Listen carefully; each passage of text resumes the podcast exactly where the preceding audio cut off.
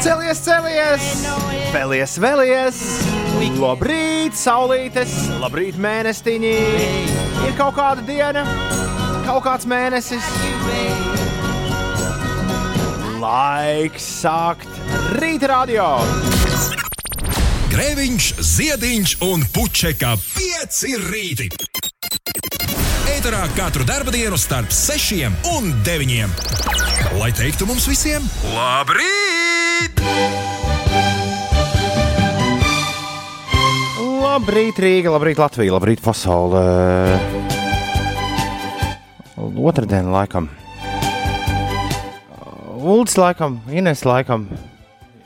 Es neesmu pārbaudījis, vai viņi tur ir. Halo! Kuku! Sekojot līdz laikam, Toms arī laikam. Jā.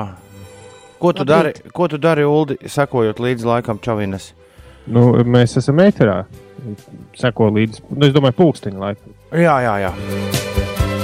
Teorētiski ir darba diena. Izbraucot par Rīgu, kādu riņķīti, šobrīd to tu nepateiksi. Vispār tu nepateiksi, ka tu esi kaut ir mū- aiz loga ir mūžīgs 24. jūnijas. Šobrīd, man liekas, 24. jūnijā no rīta izskatās tā, kā, tā kā izskatās tur ārā. Vismaz šajās agrījās rīta stundās. Satiksme nenotiek. Vienīgie transporta līdzekļi ir tikai un vienīgi sabiedriskā transporta līdzekļi. Nu, tā kaut kā. Viss ļoti mierīgi, bet es pilnīgi pieļauju, ka pēc tādas dienas, kāda bija vakar, ir jāpaņem vēl viena brīvdiena. Ja man būtu iespēja to darīt, es noteikti šodien ā, būtu izcēlis brīv... Ja man būtu darbs, kurš sagādā kaut kādas mokas, mans darbs ir, paldies Dievam, ā, ļoti priecīgs notikums ik reizi, kad tas notiek. Bet, ā, bet vakar, bija, vakar bija tā diena, kad sākās vasara. Es domāju, ka jūs man piekritīsiet. Mēs varētu vienoties, ka sākot no vakardienas, nu, tad vis, vi- tā sajūta bija tāda, ka vakar var iesprāst tādu atskaites atskaites kociņu un pateikt, yes, sākot no šīs dienas, tagad viss būs feini, skaisti un, un patīkami. Un Es... Man vasara liekas, ka sākās jau 1. maijā. nu labi, bet vak līdz vakardienai nebija man doma apsēsties dārzā un vienkārši sēdēt, skatoties uz sauli. Vakar, vakar šī sajūta uznāca, un to es arī darīju visu dienu. Es sēdēju, klausījos kriminālu ekscelentu radio, sēdēju saulē, mēģināju sākumā kaut ko lasīt, tad, eh, tad ar labi distancētiem kaimiņiem sāku plērkstēt, un tā arī visu, visu atlikušo dienas daļu nopļakstēju. Oh, Tā, man ir pierakstīts, ka eh, 8. aprīlī, kad es nomainīju riepas jā, un blandījos pa dārziņiem, bija pēc sajūtas tikpat karsti kā vakar. Staigājot. Kā tu to pieraksti? Kāda ir tā nē, nē, pieraksti šādām lietām? man ir pierakstīts, ka, kad es mainīju riepas un gāju pa dārziņiem, nu, rajonu dārziņu. Jā, es atceros, tu- man liekas, to Nu, jā, un tas, ir, tas izrādās bija 8. aprīlī, pirms vesela mēneša. Un tad tiešām bija. Es tieši vakar, vakar ejot, piefiksēju, ka ir otrā reize, ka ir sajūta, ka nu, tēkļā galīgi jau ir ok. Nu, tad izgāju, pie, izējot pie jūras, protams, vairs nebija ok, jo tur sāka pūst visādi vēji. Bet, bet tas tikai, nu, es vienkārši atgādinu, ka pirms mēneša bija tieši šāda diena. Viena. Tas nozīmē, ka tūlīt atkal viss var būt mīnusos un slikti. Un, Tu, tu iepazīsti, Man liekas, ka tas īsti neko nenozīmē. Nu, jā, tas neko nenozīmē. Bet, nē, nu, iepazīstīt laiks jau esot vēss, un tas vēl tikai būs. jebkurā, Tas maija sākums parasti ir. jebkurā gadījumā vakardiena bija brīnišķīga. Es, uh, es saprotu, ka jums arī bija fantastiska diena. Ines uh, skrēja pa takām. Man bija visas brīvdienas foršas. Nu, tādas ļoti, ļoti piepildītas, sākot jau no piekdienas. Super. Ko tu, tu, ko tu darīji Ulu vakar? Es biju tepat pie Rīgas, pie Rīgas jūrmalā. Ah, tu biji doma laukumā vakar. Pēc tam bija Doma laukumā. Jā, es, Tu biji tas, kurš translēja radioaparātu Instagram. jā, jā, tieši tā. Vakar uh, viss šis, visa šī raidījuma komanda piedalījās uh, pie tā, kas vakar pulksten 18.15 notika radio. Ines uh, aizgāja uz fonoteiku pēc lentes. Ines, liels paldies tev. Uldis, uh, Uldis bija koncepta autors. Es atkal tīri tehniski tur visu saķibināju kopā, lai, lai visi varētu dzirdēt. Un vakar mēs, un ne tikai mēs, arī mēs pierunājām LR1 un LR2, Latvijas Radio 1 un Latvijas Radio 2 arī to pašu darīt. Atskaņojām apmēram tajā pašā laikā, kad tas notika pirms 30 gadiem. Augstākās padomes balsojumu rezultātus par Latvijas neatkarības atjaunošanu. Jā, notika 4. maijā šis balsojums, tika nobalsots tā kā vajag, un Latvija atguva neatkarību. Un, un mums šķita, ka, vismaz man un Ulim šķita, ka nekad šis vēsturiskais ieraksts ar balsojuma rezultātiem nav atskaņots no A līdz Z tieši tā, kā tas skanēja pirms tātad, 30 gadiem. Un sacīts darīts, paliekam apakšā Raimonda Tigula svaigāko rītu un vakaru dziesmu. Un tās pavadījumu, protams, tur vispirms sazvanot komponistu un vienojoties. Un tas, tas, man liekas, bija sarežģītākais un gar, garākais visā šajā procesā. Raimons arī bija pirmais, kurš dzirdēja to gatavo miksu un, un to arī apstiprināja. Bet jā, viens no pēdējiem darbiem, kas tad bija jāizdara, pirms Ulas stāstīs, kā viņam veicās ar, ar radioaparātu translēšanu. Bet uh, viens no svarīgākajiem darbiem, kas man bija jāizdara, bija jāierunā ievadvārdi. Un tos es ierunāju ceturtdien pēc raidījuma, tad, kad mēs bijām pabeiguši brokastis. Jūs atslēdzāties, un tad es uh, ķēros pie ievadvārdu ierunāšanas. Un vakar tie ievadvārdi arī, protams, skanēja pirms uh, šīs vēsturiskās pārraides. Esiet sveicināti! Pie mikrofona Toms Grēviņš, un uh, es sēžu dārzā, pulkstenis ir kāda trīs dienā, un es gaidu jau tajā brīdī ar nepacietību to brīdi, kad šis skanēs par radio. Tas vakardien tā bija vispār visas dienas uzdevums bija sagaidīt 18, 15, kad, uh, kad šis skanēs par radio. Un es sāku domāt, ka es esmu kaut kādas muļķības tur sarunājis. Jo ceturtdien, kad es raudzījos laika prognozē, 4. maija nebija paredzēts tāds, kāds tas bija vakar. Un pavisam noteikti ne tāds, kā es sēdēju uh, dārzā, jā, un un, un tajā brīdī sajūtu. Šajā dienā, 1990. Nu, klausies, ko es biju ierunājis. 30 gadiem, šajā dienā, 1990. gada 4. maijā, man bija 8 gadi, un es mācījos 2. klasē. Un es spilgti atceros šo dienu. Jā, labi, labi, un labi, esmu pārliecināts, labi, labi, labi. ka man bija ļoti labs garstāvoklis, jo ārā bija daudz labāks laiciņš nekā, diemžēl, nekā šodien. Bija Un es Kā tu, Es- kā tu vari eh, iekļaut jebkādu laika prognozi ierakstā? Nu, cik gadi Es- ēterā jābūt, es lai sēžu- saprastu, ka laika prognoze nav prognoze? Es sēžu, prognozējams. es sēžu dārzā un domāju, kā šis izklausīsies 18,15. Man bija ļoti labs garstāvoklis, jo ārā bija daudz labāks laiciņš nekā, diemžēl, nekā šodien. Bija ļoti silts, spīdēja saule. Un uh, tā kā bija piekdienas novakar, priekšā bija Jā, vienmēr sakot, sacīts, darīts. Pūkstens ir pusčetri. Vienīgais darbs, kas man jāizdara. Beidzot, es atradis kaut kādu jēgu savai eksistencei vakardienā. Es aizvelkos līdz datoram un tā teikt, veicu nelielas izmaiņas. Un tas, ko jūs dzirdējāt vakarā, bija tieši pirms 30 gadiem. Šajā dienā, 1990. gada 4. maijā, man bija 8 gadi, un es mācījos 2. klasē. Un es spilgti atceros Jā, jā. šo dienu. Un esmu pārliecināts, ka to spilgti atceras ik viens, kas to piedzīvoja. Bija ļoti silts, spīdēja saule, un uh, Nu, tā kā lūk. bija piekdienas novakar, Lūdzu, Ulu, šī mazā replika izgaisusi, kā nebijusi. Bet tu, tu tikai to vienu frāzīti izlaboji. Ja? Nu, jā, Ah, nu, re, kā ir, ja, ja zina, kā ar audio apieties. es to izcēlu ārā, un neviens, neviens to nekad nepamanītu, ja es par to nebūtu šodien jums pastāstījis. Bet man tas likās, jā, man tas likās gan, ā, gan Jancīna, ka tā bija. Bet tu to ie- atgadījies. Bet tu to ierunāji nejauši. Nē, es to. Man bija uzrakstīts teksts, un es zinu, kā ir ar rakstīto tekstu. Lai nebūtu viņš jālasa, tad tu mēģini. Es parasti vismaz mēģinu interpretēt to, kas tur ir rakstīts, lai tas izklausās Jā. jā. pēc tā, ka tu kādam stāsti. Un, eh, jā, man kaut kā tas vienkārši izspruka. Jo mē, Jo droši vien tajā brīdī aiz loga bija slikts laiks. vai tajā brīdī bija slikts, un mēs arī izpētījām, ka 4. māja brīvdienas rādījās riktīgi sliktas. Nu, bet tā ir prognoze. Tas nav ierakstīts, ka tā būs. Uh, mm, e, tā var būt, un tā var nebūt. Nu, jā, tev vajadzēja dabas ierakstīt. Bet tā, labi, ka es to, labi, ka es to atcerējos. Un arī viens un divi paskat ņēmu un, ņēmu un šo salaboju. Man ienāca prātā ideja, uh, Ulu un Ines, mēs varētu šodien pielikt podkāstu pašā finālā, tad, kad raidījums būs beidzies, visu vakardienas raidījumu. Nu, Vis, visas tās 40 minūtes. Jā, kāpēc ne?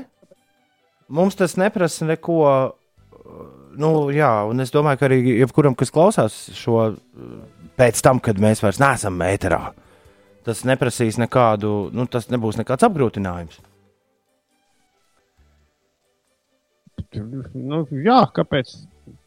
Vienkārši ar domu, lai vismaz ir vēl viena vieta, kur tas saglabājas nākotnē. Bet nu, tad to vajadzētu, ka- jā, to vajadzētu kaut kā. Mēs varam to pieteikt, tad, kad mēs esam pateikuši, "Ā, tā mēs varam ierakstīt uh, speciālu pieteikumu tam. Līdz brīdim, kad Wolfs šeit sāk rosīties 9,5 minūtēs, attālināti, mums ir vēl pulka laika, lai, lai vēl visiem trijiem kopā esot kaut ko pateiktu. Jā, nu, vien, vienkārši man vakar arī bija. Es domāju par to, kā lai šis nu, kaut kā saglabātos. Ļoti gribētos, lai tas ir kā nu, atsevišķs kaut kāds tāds atrodams dokuments, nevis podkāstam aizmugurē. Bet tas var būt arī tur. Bet, jā, tas, es tev piekrītu, bet tas nemaina to, ka, ka mēs tā varam izdarīt. Inesē, Lorīt! Jā, jā ārprāts, Ines ir izslēgta. Man ir sajūta, ka jūs. Džēziņ! Ines, Jā, es te visu laiku runāju un sāku lēnām dusmoties par to, ka jūs vispār mani neņemat vērā. Jēzus, Ines, piedod. Nu, nezinu. Bija garas brīvdienas. Tagad pasak, lūdzu, visu, kas tev ir uz sirds. Nē, es, eh, es teicu, ka šo te balsojumu ierakstu varbūt tomēr vajadzētu tiešām kā atsevišķu gabaliņu kaut kur mums saglabāt. Liela sakara ar pieciem rītiem tam nav. Izņemot, Nu, izņemot daudz. ka mēs visi trīs uh, pielikām roku, lai tas rastos. Jā, bet uh, lai tāda mēroga pasākumu piekabinātu vienkārši rīta 5. raidījuma māja, beigās, 5. māja rīta raidījumā. jā, mazliet par necilu tas sākums, man liekas, tādam balsojumam. Nu, respektīvi, ja cilvēks kāds patie mēģinās, nu, a, kur bija A5 rīta podkāstā, bija nāksies pārtīt visam šim mūsu sarunām. Labi. Nu, ka- Nē, nē, tāpēc jau es arī rosinu, ne, ne jau vienmēr mani, mani rosinājumi nozīmē, ka tā ir jādara. Un šajā gadījumā jūs abi balsojat, ka tā nav jādara. Mm, Jā, vairāk tā kā jā. Un uh, līdz ar to tēma ir izsmelta. Nekas šodien podkāstam piekarināts galotnē nebūs. Vut, vut, brrr. Ir 18 minūtes pāri sešiem. Kāds ir pamodies arī no mūsu klausītājiem? Man nav tā, ka strādātu. Nav tā, ka es būtu atvēris īziņu mašīnu līdz šim Man brīdim. līdzīgi. Biokristaps Ah. ir pamodies, jau re, kur ir. Kādi pā, pārīts pamodušies. Biokristaps ir augšā. Tikai izskatās, ka viņš nav gājis gulēt. Tas īsti priekš rīta dīdžejiem nu, tā maz skaitās. Kaut, protams, mums ir liels prieks par visiem, kas naktsmaiņu uh, noslēdz kopā ar mums. Vārdsargs Emīls nevar izbaudīt vasaras sākumu, jo darbā atkal iestājusies melnā strīpa. Tagad strādāju un domāju, kas vēl par mēsliem notiks. Kas tev atgadījies, vārdsargs Emīls? Jā, pastāstiet. Mēs varbūt, ka kā dalīta bēda ir pusbēda. Mm. Kāds, mums, Vārdsargs. kāds mums saka, lab, Iesit ripu. lab, labrīt, draugi, kur jūs tik ilgi bijāt? Mums bija brīvdienas. Četras dienas. Jā. Mēs gulējām. Nav maz. Godīgi sakot, nē. Es sestdienas vakarā nezinu, kāpēc aizgāju gulēt tikai piecos no rīta. Tas nav sestdienas vakars. Tu aizgāji gulēt svētdienas rītā.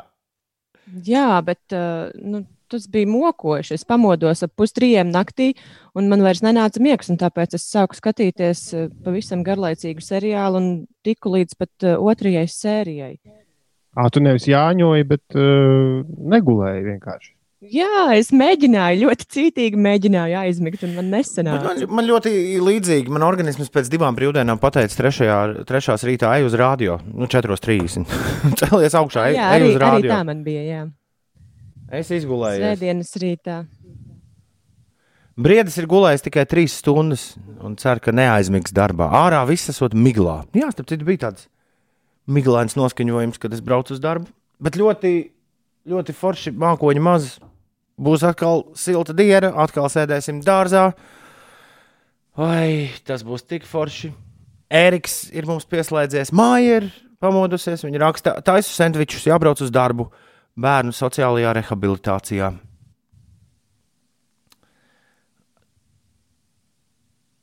Čau, māja. Mājai vajag vienu gabalu, kur es iespējams mājā atradīšu. Es vēl neesmu, šeit viss notiek lēni. Jo, Haidī, bija garas brīvdienas. Es vēl neesmu līdz kompaktdisku somai ticis. Vienīgi, vienīgi, jā. Man bija pirmā dziesma, kas jau ir no, nu, nosacināja, ka tā jau ir noskanējusi, jo mēs nevarējām. Mēs sākumā tas Mēs te slēdzās- bijām, jā. jā, mēs slēdzām kopā vadus, un kaut kas bija ar datoriem aizgājis greizi. Un Nu, vis- sakonāk viss, komunicēt. Teiksim, kā ir vienkārši pārstartējāmies. Jā. Ivčikam sešas brīvdienas vesel, veselas bijušas, viņš raksta. Tad jau manīs, kā būs. Labrīt, esmu augšā un jūs klausos, raksta Anete. Paldies liels par vakardienas vēsturisko ierakstu. Tas tika vakar atskaņots maniem vecvecākiem, kur šo balsu skaitīšanu klausījās toreiz ārā pie saimas. Un vakar asaras bija acīs. Un to man pēc iespējas ātrāk gribētos dzirdēt, to 4. 4. māju balsojumu, ko viņš ir palaidis garām. To mēs diez vai to liksim tagad. Jā, tas ir 40 minūtes. minūtes. Un no, no rīta diezgan, ja neskaita kādus pāris smieklīgus momentus, tad tur īsti nav nu, tāda aizraujoša klausām. Nē, tas ir emo, nu, ļoti aizv... saviņojoši, bet tā nav aizraujoša rīta klausīšanās. Jep. Tur bija nu, vienīgi, kad runātājs, jo viņam arī bija jānolasa. Bet man liekas, ka š- 200 vārdi. Man liekas, ka bez maniem ievadvārdiem ir viss ļoti labi LSMLV atrodams. Jā, un bija Latvijas rādio, bija laivā vakar Facebook, tas arī ielikts. Vai Lat... man šķiet, ka Latvijas rādio lapā. Bet to būtu Tā kā- forši, ja tu noklausītos tomēr šo raidījumu vispirms. Nu, tā kā dzīvajā, pirms tu dodies un meklē rokā. Jā, noklausies mūsu, un Šo. tad arhīvā attin vakardienu. Jā. Kristaps raksta, ka ripo uz darbu. Pēc vakardienas fantastiskā laika nemaz negribas strādāt. Izbraucot no Rīgas ogres virzienā ir migla. Nu, kuram gribas strādāt? Vienam negribas strādāt, bet kaut kā, kaut kā jau Bet tikai četras dieniņas šajā nedēļā. un pēc tam sāksies atkal. Nu jā, bet tad būs atkal divas brīvdienas, dienas. kā ierasts. Ivēt no ērgļiem raksta, ka Radio 5 parastajā arhīvā arī šo var dzirdēt. Lūdzu. Drīz iešu dārzu sēt, viņa arī raksta. Kā beigšu jūs klausīties, tā iešu. Nu, nekuforši, pasties, normāls plāns. Vismaz no rīta var nobumbulēt trīs stundas, sēžot virtuvē. Man vienmēr liekas, ka sēta ir foršāk nekā stādīt. Vai ne, Ines? Tu esi lauka cilvēks vairāk, tomēr ar lauka darbiem uz tu. N- Skatoties, ko? Nu, nu, man liekas, ka sēta var daudz, nu, ir daudz vienkāršāk. Var, nu, var, nu kā, nu, sētu vienkārši paņem un kaut ko mētā pa gaisu. Stādīt tomēr jāzina, Tā- ko un kur. Tā nevienmēr ir. Piemēram, pagājušajās, jā, laikam pagājušajās brīvdienās es sēju zālē. Man, mums tāda kastīte, un tai kastītei ir rokturīts, un tad to rokturīti griežot, tās sēkliņas birst tev visapkārt, un tad tā vienmērīgi var to zālāju izsēt.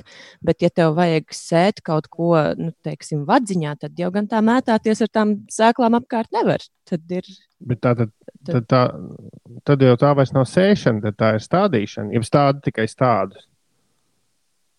Man liekas, ka Ja tu vienu sēkliņu Mm. tā rūpīgi iebāzi zemītē un uzplikšķini, tā ir arī sēšana? Vai tā tomēr ir stādīšana?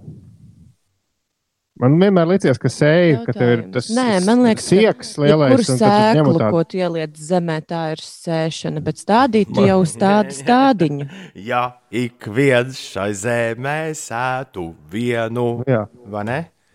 Man, man sēšana asociējas ar tādu riktīgu, uh, nu, tādu uh, pamatīgu, lielu žestu, ka tu ar tādu vēzi. Ā, ka tāds zemnieks iet pāri laukiem un Jā, jā, tā kā sauju tā kā tādā padomju mūziklā. Jā, un dzied, jā, la, la, la, la, la, un, un, un ar plašu vēzienu, kā dejotājs. Jā, un ir tas, tas apaļais trauks, kā to sauc, sieks vai kas tas, kas tas bija, kur bija sēklas.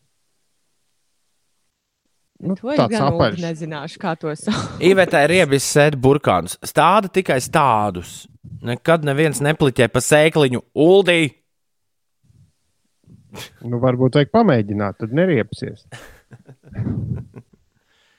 Jā, Uldi kā to varbūt tu varētu trauku sauc? pamēģināt burkānus sēt. Tā randomā, ja nu tā ir tāda. Kādu trauku?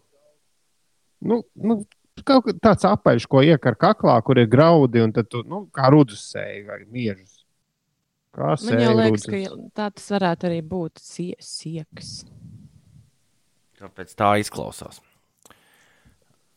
Tu, zel, bet zel, zeltračiem tas bija cits aparāts, ja? Amerikā. Jā, tur ar Jā. sēšanu galīgi nav Tur saistība. bija tāda bļoda. es domāju, ne, nu kā rietumu kultūrā zelta meklēšana ir tas pats, kas mūsu sēšana. Nu, nezinu. Es par to aizdomājos.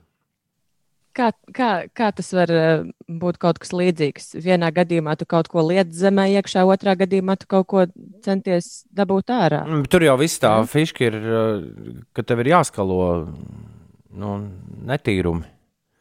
Lai ieraudzītu, vai tur tas zelts ir vai nav. Filmā, ko Ulas nesen noskatījās, brāļu, Ai, lauksaimnieki. brāļu Koenu, šajā te Ballad of Busters Kraubu, kā lai, kā, lai kā viņu sauc.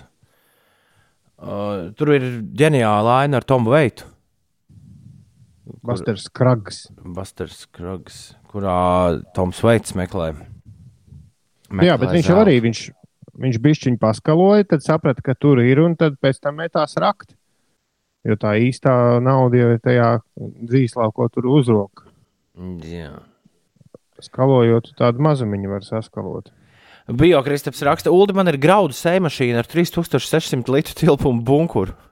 Kāds sieks? Jā, jā, es arī tagad googlēju, man met ārā tikai traktors. Bet kā sauc to trauku, kas ir zem, senos laikos zemniekam iekārts kaklā? Nu, bet tik ir sieks. Nu. Nu, laikam, jā. Es vienkārši nevaru. Sieks ir mērvienība, bet vai tas ir arī trauks? Nu, varbūt arī tur ietiekšā viens Nu, sieks. droši vien. Mājā man rūtīši atnesa disciņu. To, kur tu gribēji. Māja grib dzirdēt 21 pilots un level of concern, jo tā esot viņas šī laika himna. Uzliekam, visi paklausāmies to jauno 21 pilots gabalu. Ir 6,28. Man prieks, ka lielos vilcienos tie, kuriem bija jābūt augšā, šobrīd ir augšā. Tiem, kas nav augšā, nu, tie būs kaut kādā augšā un šo klausīsies podkāstā, viss būs normāli. O, Edgars no Siguldas vēl pieteicās. Nu, pat brīvdienās daudz staigājām pa mežu. Meita pat sacīja, te ir gandrīz tik forši kā Minecraftā. Lieliski. Maniem jauniešiem tikmēr ir uh, uzradies, uzradusies jauna spēle. Br Brawl Stars, man liekas, kādu tad, tad, trīs nedēļas bija modē. Tagad ir Zombies vs. Plants. Uldis, kamēr skanēs, Tas tad- kamēr 21 pilots skanēs, var papētīt. Ka- Kas, kas? Tā bija rīktīgi modē, man liekas, kādā 2010. gadā. Nu, lūk, tagad jaunajiem, cil jaunie cilvēki šo ir atklājuši tagad. Un jāsaka, Nē, viņi- kāpēc tā kā es skatos, cik es esmu paskatījies, ko viņi tur dara, viņi ir simtreiz nevainīgāki par Brawl Stars un uh, Minecraft abiem diviem kopā. Nu, es, to, es teiktu, zombiji. tur ir, tā ir tā kā galda spēle, Ines. Kaut kas, mm, nu, kaut, Jā, jā. vizu, vizuāli izskatās pēc Dambretes sākumā. Bet uh, es, es, teiktu, es ieteiktu pamēģināt. 2009. gadā to izlaida. Es ieteiktu, pa, starp citu, tieši 5. maijā 2009. gadā. Interesanti. Šodien ir dzimšanas diena šai spēlē. Bet es ieteiktu to pamēģināt, jo es zinu, ka tā ir nu, krietni vecāki vīri par skolas gadiem, ir aizrāvušies ilgi ar Zombijas plāns un zombijas. Jā. Okay. Nu, labi. Bet uh, pareizi Heimā Gunčs raksta, Heimā 21 pilots, go! Liekam virsū. Ir pusseptiņi. Labrīt! Otradien, 5. mājas šeit piecēlē celies augšā. Tailers un Joshua, abi divi 21 pilots, Džeki ir vis, vispiezemētākās slavenības, ko es jebkad mūžā esmu saticis. Ļoti patīkami čaļi. 21 pilots. Tiesa, es, es viņus satiku tāpat kā lielākā daļa jūs. Viņus redzēju nu, tajā pozitīvas vasarā, kad viņi uzstājās Salacgrīvā. Tas jau bija vēl pirms 21 pilots kļuva par globālu sensāciju un Grammy balvu ieguvējiem. Ir 33 minūtes pārpusdienas sešiem. Šis bija 21 pilots jaunais gabals Level of Concern.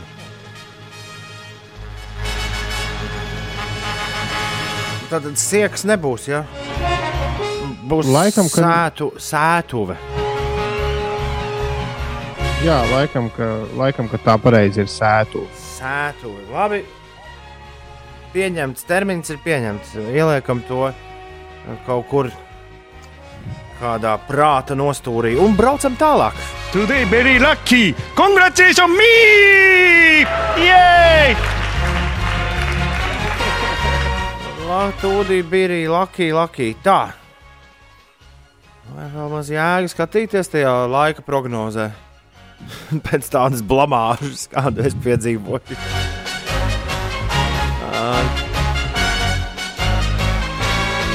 Vakar GFS prognoze 11. maijam Latvijā mainījās no stipras snikšanas uz plus 23 grādu siltumu. Savukārt kaut kāda ECMWF pastiprināja augstumu. Pavasarī šādi lēcieni notiek bieži gan prognozēs, gan realitātēs. Visu modeļu prognozes šim mēnesim, visā, visu modeļu prognozēs šim mēnesim dominē vēsums un salnas. Neprognozēta lietus zona šodien ieradusies Latvijā un Sēlijā. Vietām ilgstošas lietus, tas var skart arī vidzemi. Citviet valstī vietām īslaicīgs lietus no gubu mākoņiem. Mākoņu dēļ ir vēsāks, šodien būs plus 10, plus 18. Cik tad aizkāpa vakar? Nu, tur saulītē doma laukumā arī- likās, ka ir stipri virs 15. Pat ar visu vēju. Jo bija pirms, pirms 30 gadiem, kāpēc es to laiku pieminu? Tāpēc, ka tā tiešām ir viena no spilgtākajām atmiņām. Bija sensacionāli foršs laiks. Un, ja jūs paskatāties kronikās, visi deputāti nāca ārā bez žaketēm. Nu, bija tā kā rīktīgi karsti. Jā, jā, jā. Jā. Riktīgi karsti. Un Vakar vienā brīdī man likās, ka ir ka tik nav precīzi tāpat kā bija pirms, pirms 30 gadiem. Rīgā nekāda nokrišņa šodien nebūs. Nerādās.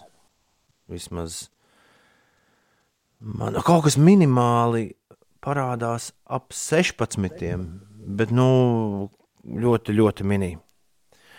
Un tad, kā Trāļakungs, kur prognozes es te lasīju, atmetio ziņas, pirmīt, tad arī tā kā viņš saka, vēsāks laiks it kā palikšot. Bet tie divi ciparu skaitlīši aizvien biežāk sāk figurēt prognozēs. Mm. Un svētdien vakarā rāda plus 16 Rīgā. Ai. Jauki. Drīz varēs bez jakas braukt uz, uz rīta radio ja šī tā turpināsies. Jo nu jau paliek, paliek pavisam feins laiciņš. Jā, varētu tik, jā, tajās mājās kaut kā sēdēt, bez čāpnīcas. Jāiet vairāk ir. Jāmēģina šonadēļ kaut kā laust tas dienas ritms. Būtu jāiet uzreiz pēc radio raidījuma kaut kur staigāt. Tu taču vienu brīdi tā darīji. Nē, es, esmu, es, es gāju gulēt. Pēc radio. Nopietni, uzreiz pēc radio tu gāji gulēt. Nu, uzreiz nē, nu, Es nu, šo kaut kādus. ceturtdienu, Ines, nopietni tu aizmirsti visu, par ko mēs ceturtdien runājām. Šķiet, ka jā. Mēs šeit Jo es nereiz neesmu. Uzreiz ne, bet tā uz kādiem desmitiem. Nu, lai var vēl tādu vienu miedziņu pagulēt. Ā, man liekas, par šīm brīvdienām piedod Ines, bet es esmu izgulējis visu miegu. Neprasās vēl. Siguldas Edgars aizbrītajās brīvdienās ir pirmo reizi dzīvē redzējis pamatīgu zelkti ar smukajām dzeltenajām austiņām. Tu redzēji kaut kādus meža zvērus, Ines? Fui, jā, es redzēju divas čūskas skrienot pa tukumu mežiem. Nepavisam patīkamas sajūtas. Iedomājieties, Ulu, kā izskatās, kad divas čūskas skrien pa mežiem. Nē, es skrēju pa mežu čūskas, nē. Ar draugu.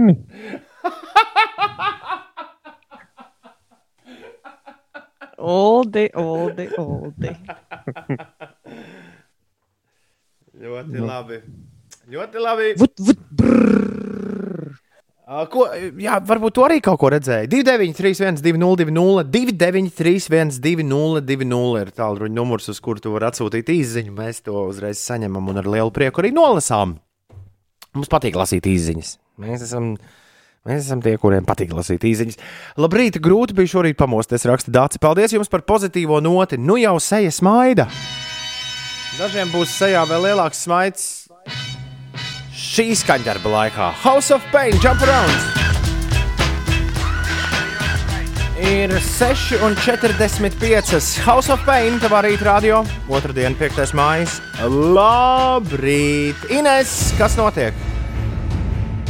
Oi, mazliet pārsteidz mani. Nevar būt. Kā jau tu iepriekš teici, iepriekš neprognozēta nokrišņu zona šodien sasniegusi Latvijas pusi un sēlī. Tā var atnest lietu arī daļai vidzemes, bet citviet Latvijā gan dienas gaitā veidosies gubu mākoņi, mazliet var arī uzlīt. Arī Rīgā uh, nokrišņu iespējamība ir visai maza, bet, nu, kā mēs zinām, ar laika ziņām neko līdz galam skaidri nevar zināt. Gaisa temperatūra gan plus 10, plus 18 grādi. Šodien būvdarbu dēļ ierobežos satiksmi Bīskapa gātē, arī Bruņinieku un Avotu ielas krustojumā, tas eh, galvaspilsētā. Un pieaugot diennakts vidējai gaisa temperatūrai, no šodienas sāk apkuras atslēgšanu Rīgas namu pārvaldnieks apsaimniekotajos namos. Vēl par pašmāju vēstījumu šodien Rīgas krematorijā notiks atvadīšanās no leģendārā šķērsmetēja Jāņa Lūša, bet eh, par pasaules ziņām pasaules līderi videokonferencē ir apsolījuši atvēlēt 7,4 miljardus eiro, lai finansētu vakcīnas izstrādāšanu pret jauno koronavīrusu un citus projektus cīņā pret pandēmiju. Šķiet, ka šī ir bijusi tāda sava veida labdarības akcija. Vācija solīja 200 525 miljonus eiro, Francijas prezidents Emmanuels Makrons savas valsts vārdā solīja 500 miljonus, Itālija paziņoja par 140 miljoniem. Kopumā bija mērķis savākt 7,5 miljardus eiro. Signe raksta, labs rīts. Jums atpūta ir nākusi par labu, vai arī man. Laikam jau visiem. Šodien esat super smaidi radoši, lai visiem īzī dieniņa. Un Velomens pirmo reizi mūžā mūs klausās tiešraidē. Iedomājieties! Viņam šodien plānā 18 stundu velobrauciens pa kurzemi, no tām 3 stundas kopā ar 5. Super! Forši vēl man. Super Lai velomens! labi ripo. Toms prasa, vai kāds no mums ir redzējis to nenotveramo dronu. Mūsu kopīgais paziņā un draugs Matīs toties redzēja dronu un pa televīzijā tik pateicoties tam, ka redzēja. Es vakar viņam prasīju, vai.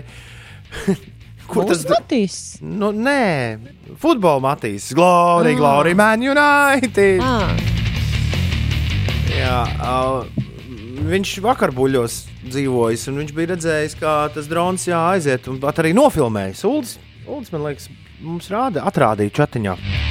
Rī, rī, ja brīta buļļos, man liekas. Nu, vienalga, kā tur. Jā. Kā, Bet kā, viņš kā tā arī neuzrakstīja, buļļus- kurā virzienā tas drons lido. lido. Es viņam prasīju, kas, no, kas ar to dronu, vai viņš, aiz, pāri jūrai uz Zviedriju aizlaida, vai kas ar viņu notika. Bet, uh, tu vari ieskicēt, Ulu, kas, kas tas par dronu, par ko vispār ir runa? Kas, kas, Jā, kas tas tāds pastāsti, lūdzu, jo es tajā dienā arī biju mežā, un, uh, un man nebija ne jausmas, kas notiek Latvijas debesīs. Ulds Ir, tagad meklē tā- informāciju, izklausās.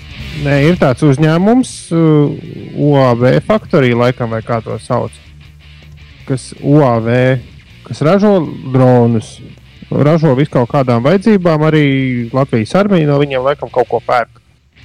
Un rīktīgi, nu, jaudīgs, man liekas, viņi tur kaut kādus miljonus samaksājuši nodokļos, un nu, tāds ļoti nopietns līmeņa uzņēmums, nevis kaut kāds amatieris. Nu, jā, un testējot kaut kādu vienu no droniem, tur sagāja vienkārši vadības sistēma. Kaut kas izbeidzās. Nu, respektīvi, drons lido, bet to vadīt nevar. Bet, uh, kā tas lidot? Tam ir baterijas vai degviela? Vai, Degviela. Vai kas? Viņš ir 3 metrus plats, 26 kg O. smags. Tas ir nopietns vērts, jā. Jā. Jā, un viņš, viņš ir nevis, nevis tas ar drons, kas ir tā kā helikopters ar tiem rotoriņiem, bet viņš ir vairāk tā kā lidmašīna. Liela. Nu, tāda Mm, iedomājieties, rotaļu lidmašīnu tikai 3 metrus platu. Un viņam, jā. nu jā, un tad, tad, kā tur bija? Ātrums viņam ir 70 km/h maksimālais, un degvielas pietiek 90 stundām. Tas nozīmē, ka elementāri matemātika aprēķinot, ja viņš nekur nepagriežas, tad viņš taisnā līnijā nolido, ne, viņš jebkurā gadījumā nolid, var nolidot 6300 km. apmēram. Auč! Auč! 6300 km. Tad viņš var iespēj... viņš ir tā kā gaiputns. Nu, ja? Ļoti iespējams, ka kaut kur ir Eģiptē nogāzies. Ne, kā, tur pat, pat vēl tālāk. Un tā arī viņš nav atrasts. Ja? Nē, tā arī kur rakstīts vakardienas presē, ka tika testēts cerībā pārspēt pasaules rekordu lidojumu ilgumā. Varbūt ka Šķiet, tas arī izdosies. tikai neviens to neuzzinās. Bet kā var būt, ka viņā nav iekšā nekādas GPS stēles? Nu, Un kā var būt, Es ja tu, domāju, tu ka- laidi šitādu mm, čāli debesīs un tev nav. mm, Bet Tev nav scenārijs. radaros taču ir jābūt redzamam. nu, nu, iedomājies, ja tu esi drona zemu, viņš ir ražotājs. zemu, Ines par radariem runājot. Viņš ir pa zemu priekšradariem, manuprāt. Mm. Cik, cik es esmu spiegu filmas skatījies. jā, droši vien no Ā, spēku viņi- filmām vajag mācīties. Jā. Nu, loģiski, loģiski, tur viss ir par šo pasauli pateikts. À, viņa drons jau kaut kādu vienu rekordu ir uzstādījis. 12. gadā viņi ir 54 stundas lidojuši. Es domāju, ka šis Iedomāj- notikums arī ir rekorda cienīgs. Nu, jā.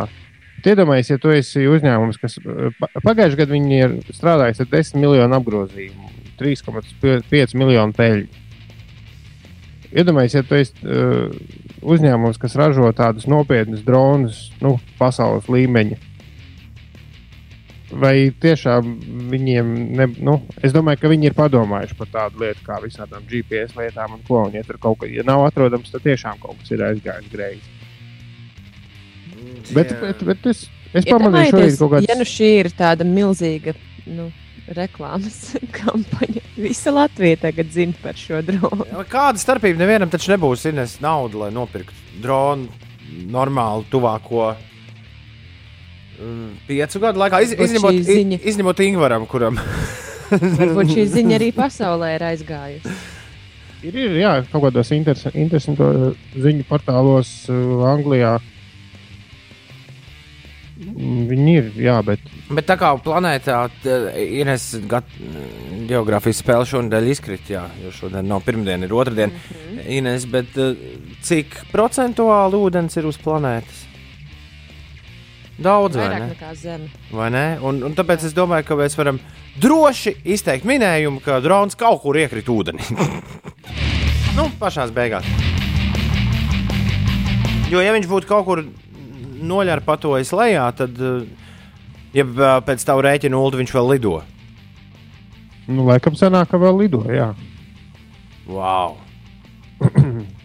Bet man ļoti patika, ka bija svētdienas staigājot pa, pa Dolas sauli. Es skatījos, kā man pāri lidinās uh, Latvijas armijas lidmašīnīte. Dronu mamma. Nu, tā sanāk, jā, bet tā bija. Tas bija uh, lidmašīna, ko mūsu. Nu, tā sanāk, jā, jo tas, tā bija lidmašīna, ko mūsu bērnībā pazīstama kā kukurūzņika. un, uh, Tā bija nu, no 48. gada. Tā kā, es nezinu, vai konkrētais modelis bija ražots 48. gadā, bet, bet tieši tas tips ir nu, tāds, kurš jau vairāk nekā pusgadsimtu tiek lietots. Vienmēr sakot, ja tas drons kaut kur ietrieksies, vai arī nomauksies lejā, uh, jā, tur, kur ir cilvēki, un tu, tu, tu, Sapņu. tu, tu, tu. Tu, viņu var dzirdēt pa gabalu. Tas gan. mēs to Un- uzzināsim. Bet Es tagad mēģinu atrast, cik tie UAV Bet, droni eh, maksā. Bet citās ziņās viņš ir ūdenī iekāsies, visticamāk. Katrā ziņā man ļoti patika lasīt eh, sociālajos tīklos cilvēku izdomas pilnos eh, komentārus. Nu, kā beidzot kaut kas notiek? dronu. Viņš sēž mājās, gaida kaut, kaut, kaut, kas notiek. O, beidzot! S- Drons savvaļā. Es pat ticis. vakar pamanīju drona Twitter kontu. Nopietni! Jā, Jā, kāds ir uztaisījis. Varētu. Jā, virs, sim, virs 100 tūkstošiem apmēram maksāt. Pagaidām, Jā. es kaut ko nesamūlu. Līdz ar to diezgan dīvaina reklāmas kampaņa. Nes... Ja tā ir reklāmas kampaņa. À, jā, tiešām, jā, viena lidaparāta cena ir virs, parasti ir virs 100 tūkstoši eiro, bet, bet tā kā šis bija kaut kāds īpašs, ko gatavoja rekordam, es pieļauju, ka viņš tiešām maksā vēl dārgāk. Ļoti iespējams. Man ir ķeršu koki, paliksim iepot vēl vienu naktī. Paliksim iepot vēl vienu ķeršu pilnu naktī. Ja tev dārzā ir ķirškoki, tad tagad tavā dārzā ir riktīgi smuki. Šajā brīdī Inês ar Ulu jau no kopš acis vēruši strīdās par kaut kādu koku, kas ir Ulim laikam aiz loga. Jā, pagalmā. Un... es domāju, ka ir tikai viens variants, kā to Ulu noskaidrot. Tev ir jāiet pasmaržot. Tas nav, tas man blakus pagalms, es tur īsti netieku. Uz nevar ielas. saprast, kāds koks viņam zied aiz loga. Tu ieliec Twitterī, lai visi var apskatīties un sasūtīt savus variantus. Jā, Labi. es saku, ka tā nav ieva. Es saku, ka skaidrs, ka tā ir Ieva. Labi, tā tūlīt es lieku ēt pieci rīti. Ēd pieci rīti, pieci rakstot ar burtiem. Es kaut ko esmu palaidis garām. Inesi uz elektrofatbike. Es pavisam noteikti esmu palaidis garām. Jā, droši vien. Kas tas tāds ir? Elektrofatbike. Tas tāds eh, ritenis ar lielām riepām, bet viņam ir elektromotoriņš, kurš tev palīdz uzmīties kalnā. Kur tur tādu apkārt dragāju? Pa ogres zilajiem kalniem pamēģināju tā riktīgi izbraukāt tās trako velosipēdistu takas un divreiz nobraucu lejā no kalna, nebremzējot un nokritu tikai vienu reizi. Jej! Vai šo tu iesaki mums visiem izmēģināt? O, jā, jā, jā. jā. Tas, bet tas elektro kaut ko dod. Ah, nav laika. Tas, dod, tas dod ļoti daudz. Mēs varam, par, vari uzmīties kalnā. mēs varam par šo turpināt plāpāt pēc maza mirkļa. Šeit 5 rītī, Latvijas radio 5, 5 LV. Labrīt visapkārt! Grēviņš ir uh, studijā, Ines ir rūtīša dzīvoklī, Ulas ir kaķīša dzīvoklī. Nekas nav mainījies.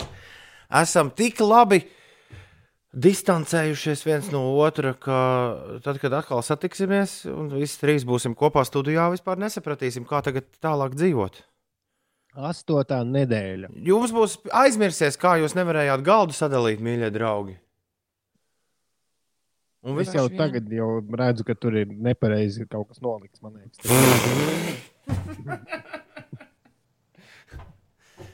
astotā nedēļa. Šodien būs kaut kādas ziņas ne? par uh, iespējamo nākotni. Vai es to nosapņoju? Vai, man liekas, katru dienu ir kaut kāda ziņa par nākotni. Bet vai, vai tu domā, vai pagarinās vai nē? Mums tu gribi tajā šobrīd jūrā kāpt iekšā tagad? Nē, nu es domāju, ka Vai, atgriežamies, vai atgriežamies pie uh, Ines elektrofatbaika? Jā, labāk Nē, pie nu- tā atgriežamies. Nē, nu vienīgais par to. nu, pa- Mums ir te jocīgais datums īsumā, īsi. Es ātri. Nolikts 12. maija, līdz kuram ir. Ārkārtējā situācija. Jā, Ārkārtējā situācija ir līdz 12. Ja? jā. šobrīd. nu, jā. Nu, eh, spriežot pēc tā, ko es redzēju, zinu, kā ir baigi interesanti. Tur, kur ir daudz cilvēku šķietami, piemēram, Buļbuļs salā vakardien, nu, Balderājs tur pie jūras. Ir ļoti bīstami. ASV arī bija dažas bildes, kur sabildēti parki un ārprāts, ārprāts cilvēki tādos baros. Bet uh, tu nevari no, uz zemes stāvot, nobildēt perspektīvā. Nu, na, tas nav vizuāli saprotams, cik daudz cilvēku. Jo man arī izskatījās, ārprāts, cik pie jūras tālumā daudz cilvēku pie stāvvietas. Es tur tā viltīgi gājām caur mežu, un tad atpakaļ pa jūru. Un likās, pie jūras, nu tur baigie bari. Nekā nav. Pienācis tuvāk, patiesībā cilvēki ir rīktīgi pa gabalu, un es, es arī tiešām nevarēju saskatīt nu, tādus pārkāpumus. Nu, nu, cilvēks, kas ir vairāk par divu vai kas nav ģimene. Nu, ļoti maz bija tādi. Kā Vienkārši- nosaka, kur ir ģimene? Nu, var, nu, divi pieaugušie un pārējie bērni. Nu, diezgan nu, skaidrs, ka ģimene. Mhm. Bet, bet nē, tas vienkārši, ja tu redzi, ka ir parks pilns, vai tur atceries, bija pie ķiršiem bildes, tas īsti neko nenozīmē, jo bildē tu nevari pateikt, cik patiesībā cilvēki ir tālu viens no otra. Bet tas, ko es redzēju Dolas salā svētdien, sveiciens, ja kāds mūs klausās, tur gan pie katras nu, tādas, nu, ne pie vecām mājām, bet nu, tā apmēram vidējā līmeņa vadības mājām, nu, pēc ienākumu apmēra. Man šķiet, ka katrā bija uzrīkots pa kādam šašliku pasākumam.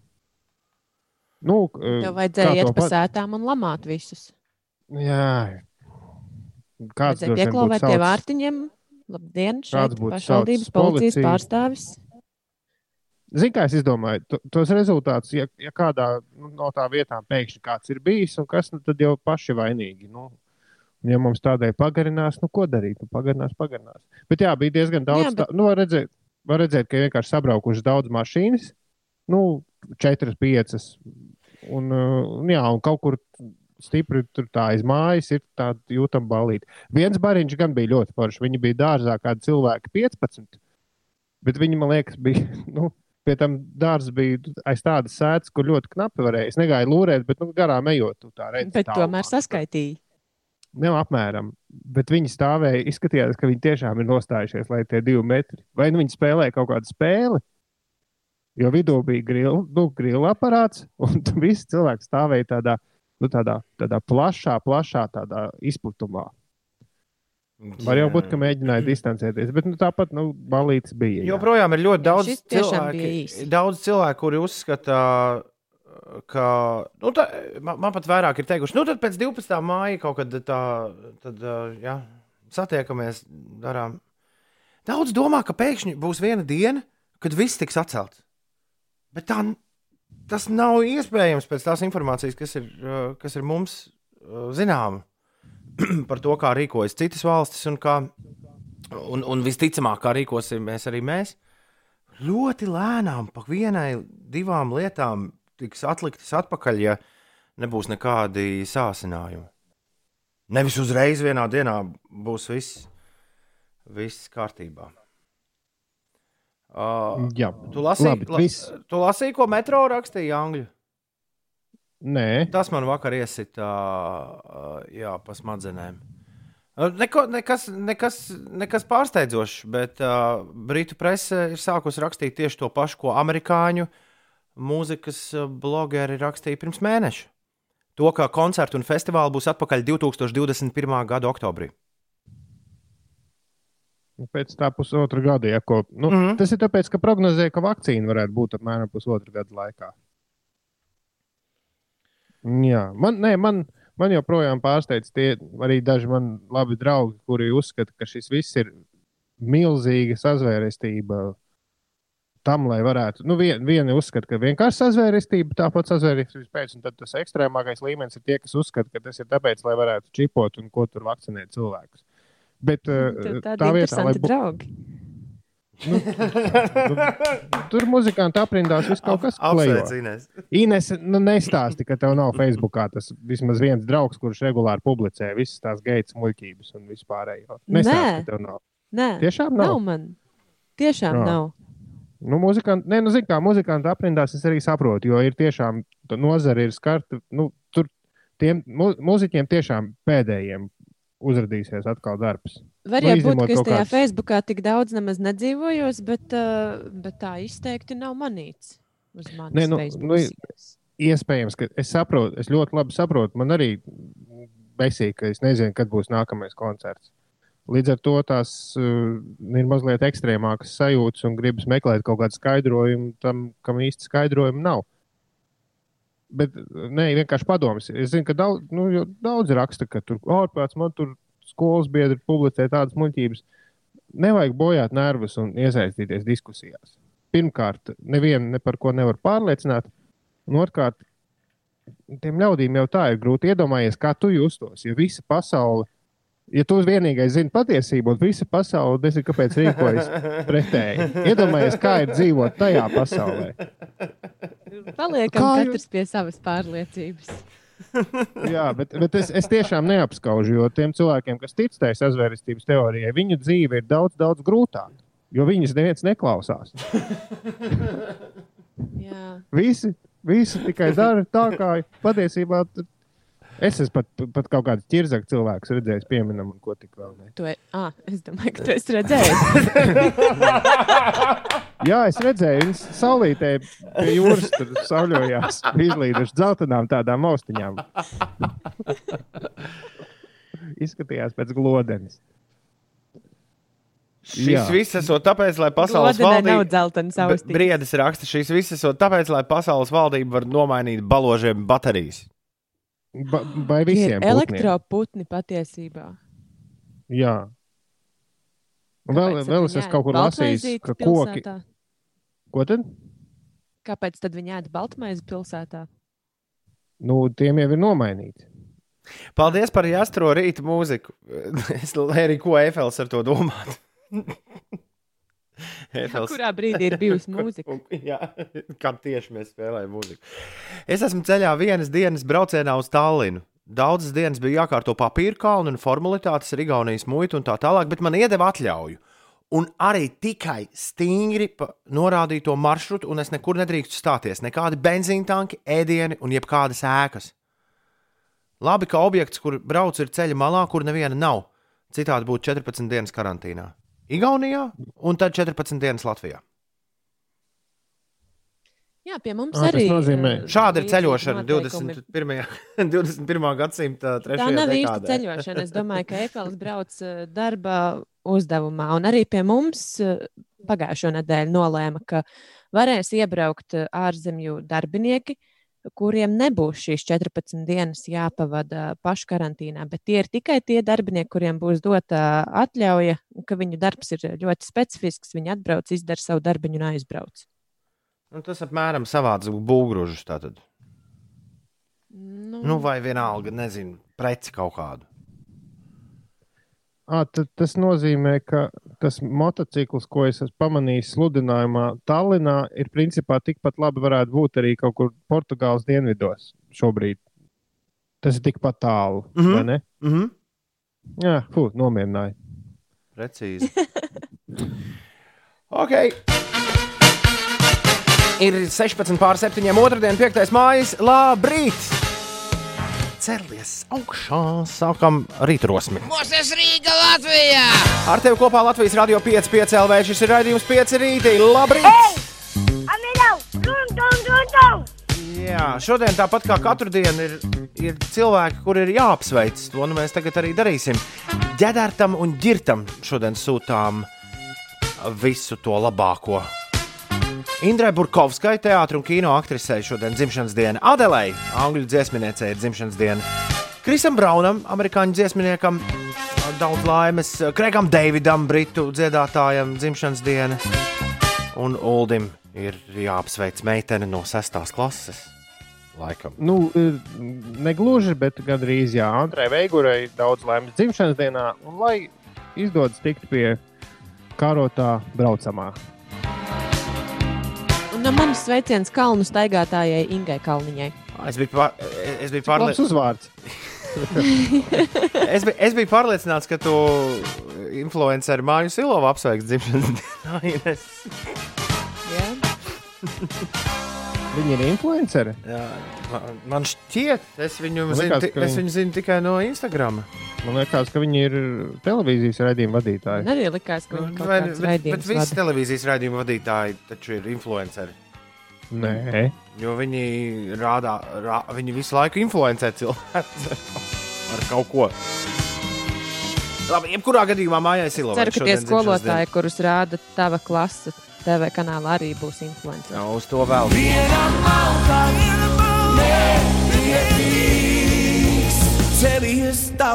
Inters Busulis un abonementa orķestris. Viss orķestris vakar bija Latvijas televīzijā pēc pusdienas deviņiem vakarā.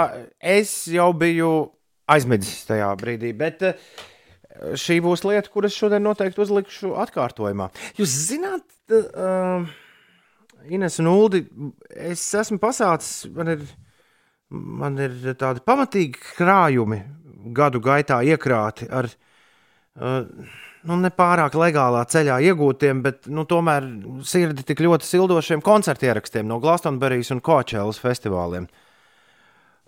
jā, esmu kaut ko. Un uh, es katru dienu uzlieku pa vienam koncertam. Ja jūs zināt, cik tas ir atsvaidzinoši redzēt cilvēku pūļus šajā laikā, nu, video ierakstā, tas tā kā uzreiz nomierina nervus, ja, ja viņi ir uzvilkti. Tu uzliec festivāla ierakstu un skaties, mmm, jauki. Un izskatās, ka, ja prognozes par festivālu, uh, festivālu un koncertu nebūšanu uz zemeslodes ir patiesas un tas ievilksies super, super, super gari, tad uh, es arī visus šos arhīvus laikam kaut kad noskatīšos. Jo mm, tā ir viena no tām lietām, līdzīgi kā bieži ar grāmatām vai, vai ar vecu presi. Viņi kaut kur mājās glabājas, bet nu, retu reizi kāds iemet tur aci. Tagad ir forši. Es vienkārši iesaku, ja gadījumā jums attālinātie koncerti bez publikas ir forši. Jā, viņi notiek šodien, bet ir visādi koncerti, kas ir ierakstīti ar ļoti lielu publikas daudzumu pirms uh, vairākiem gadiem. Un, uh, jā, es esmu atradis, atradis tos par labu esam nervu mierināšanai šajā laikā. Jā, ir jāsaņem mazliet, lai koncertu tā vienkārši ņemtu un skatītu. Ah, bet nevajag, tu jau viņu vari uzlikt vienkārši un darīt kaut kādas mm. mājas lietas fonā. Nē, es Jā, tā, jā, jā. tā es arī neapsēžu. Es tā arī reti, kad varu vienkārši apsēsties un tagad skatīšos koncertu. Tad, Bet kad tas tās dažas notiek. reizes, kad sanāk, tad, tad, tad ļoti forši. un Tu, nu, tā, kad tu tā ie, iedzin, iegrimsti tajā. Mm. Inesē Jā, ir 28 pār 7. Pastāsti, kas notiek? Iepriekš neprognozēta nokrišņu zona sasniegusi Latviju un Sēliju. Tā atnesīs lietu, vēl arī daļai vidzemes. Citviet Latvijā dienas gaitā veidosies gubu mākoņi. Lielākie no tiem vietām izraisīs īslaicīgu lietu. Valsts austrumu pusē laiks būs pārsvarā apmācies, bet saulainākā diena gaidām kurzemē. Būtīs lēns līdz mērens ziemeļaustrumu un ziemeļu vējš, un gaisa temperatūra valstī būs robežās no plus 10 grādiem līdz pat plus 18. Rīgā nokrišņi maz iespējami, mākoņu daudzums palielināsies, būtīs vēns lēš un būtīs vē- lēns vējš. Bērns Un lēš. Jā. Un gaiss iesils līdz plus 16 grādiem, bet vēsāks būs eh, pilsētas ziemeļos pie jūras. Pieaugot diennakts vidējai gaisa temperatūrai no šodienas sāk apkuras atslēgšanu Rīgas nama pārvaldnieks apsaimniekotajos namos. Un eh, šodien būvdarb, no šodienas eh, būvdarbu dēļ ierobežos satiksmi Bīskapa gātē un arī Bruņinieku un Avotu ielas eh, krustojumā, tas galvaspilsētā.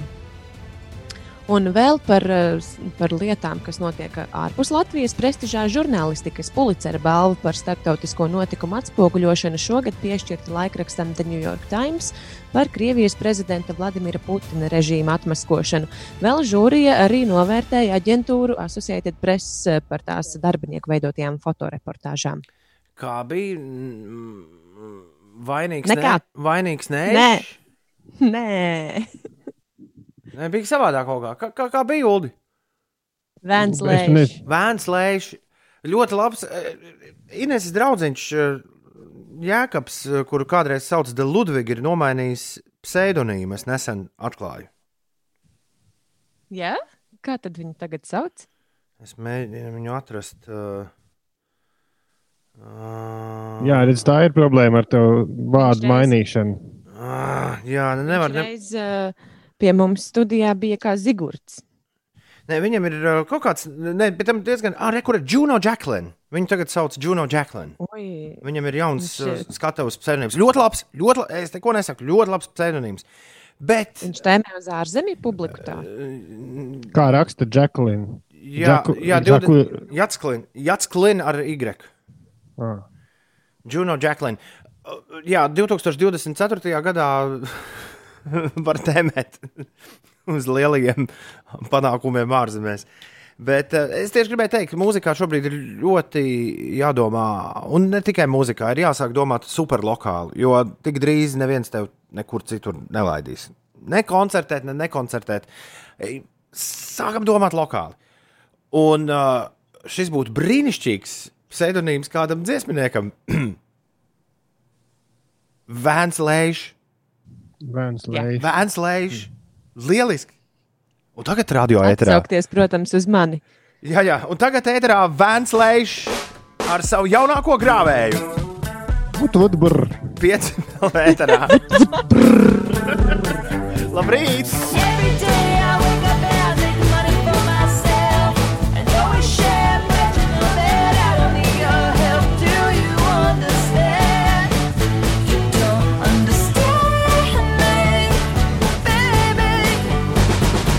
Uldis ik reiz, kad izdzird šo dziesmu, nero mani. Uh, Ko tu, Alanis Morisēt, atcerējies šajā reizē? Jā, iepriekš bija Šerila Krova un kas tur vēl Fleetwood bija. Bet, Mac, jā, uh, mēs minējām. jā, Alin- Alanisai Morisetē jauna dziesma un albums. Uh, Kaut kad iznāks tūlīt, laikam. Mēs gan to droši vien nedzirdēsim, bet klausoties iepriekšējā dziesmu, nezinu, kāpēc atcerējos. Sē, diezgan sērīgu ziņu ir atsūtījis Ābols. Viņš vakar oranžajos viļņos vairākas reizes dzirdējis reklāmu par Summersound festivālu. Viņš prasa, vai tas nav atcelts?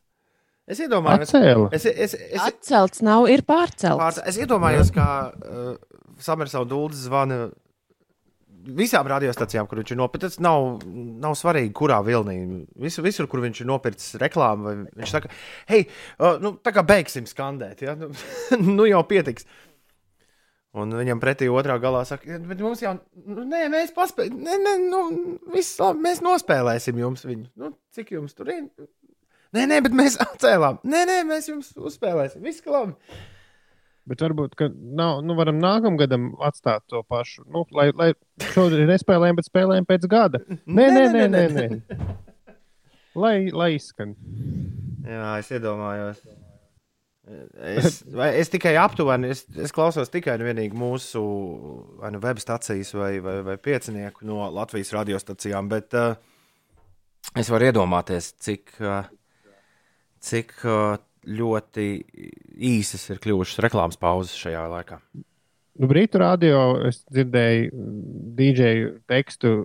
Viņš jau bija aizg- aizgājis tik tālu, viens mūsu iemīļotais dīdžejs, ka viņš teica, šajā vietā parasti būtu reklāmas pauze, bet tā kā nav reklāmas, tad lai ir dziesma. Auč! No rīta, gatavojot kafiju, sensīts Dainis raksta, es tā arī nesapratu. Inês auto vietā ir nopirkusi elektrovelorikšu vai kaut ko pārpratu. Lai veiksmīgi Daini, tu diena esi- elektrovelo. tu esi Es gribētu, pārpratis. es gribētu, Ines, lai tev ir elektrovelorikša, ar kur tu brauc uz darbu. Tu pie reizes varētu arī paķert, piemēram, mūli pa ceļam. Jā, vai piemēram, es braucu no pilsētas uz laukiem, piedalos satiksmē ar elektrorikšu. Bet nē, Daini, autosāga vēl uh, turpinās. Varbūt drīz būs kādi jaunumi, varbūt nē, to vēl laiks rādīs. Bet uh, par elektrovelorikšu tā nebija nekāda velorikša. Es biju ogres zilajos kalnos un tur pamēģināju braukt ar uh, elektrovelosipēdu, kuram ir tādas ļoti lielas, platas riepas, ar ko ir ērti un viegli braukt pa smiltīm. Un tas elektromotors eh, palīdz uzmīties kalnā. Nu, ir tāda sajūta, ka tu praktiski vispār nepieliec eh, piepūli braucot ar velosipēdu augšā kalnā. Un Bet tā kur es tur tur tiem sports? zilajiem kalniem. Jā, prieks ir, prieks ir pa tām trasītēm, taciņām braukāt, tāds adrenalīns un iespēja bija milzīgi daudz reizes nogāzties no tā velosipēda. Un, un Bet tikai vienu reizi, vienu reizi tu to izdarīji. Bet, bet, bet es, jā, tikai vienu reizi es nokritu. Ines, tas ir Jo es man- man mēģināju tas uzmīties izklausās- super augstā kalnā. Tas Tad izklausās pēc tā, ka es- man ritenim. Es vakar aizskrēju līdz Baldurai, nu, līdz vakarbuļu pludmalei un atpakaļ. Nu, ar mašīnu braukt, jā, bet nu, aizskrēju. Nu, nē, kā? Man jau liekas, ka tiem uh, velobraucējiem, nu, tie, kas tur lēkā pa tiem tramplīniņiem un pa tām trasītēm braukā, lielākais prieks ir braukt lejā ar to velosipēdu. Tur ātrums lielāks un tā, un grūti ir uzmīties kalnā. Ar, ar šitādi ir viegli uzminies kalnā, un tad laidies ātri lejā atkal. Es tik atceros, ka bija tas kaut kādos Tour de France vai nu, pilnīgi oficiālās sacensībās. Daži bija pa kluso iemontējuši motoriņus savos velosipēdos. Bija, bija tādi stāsti.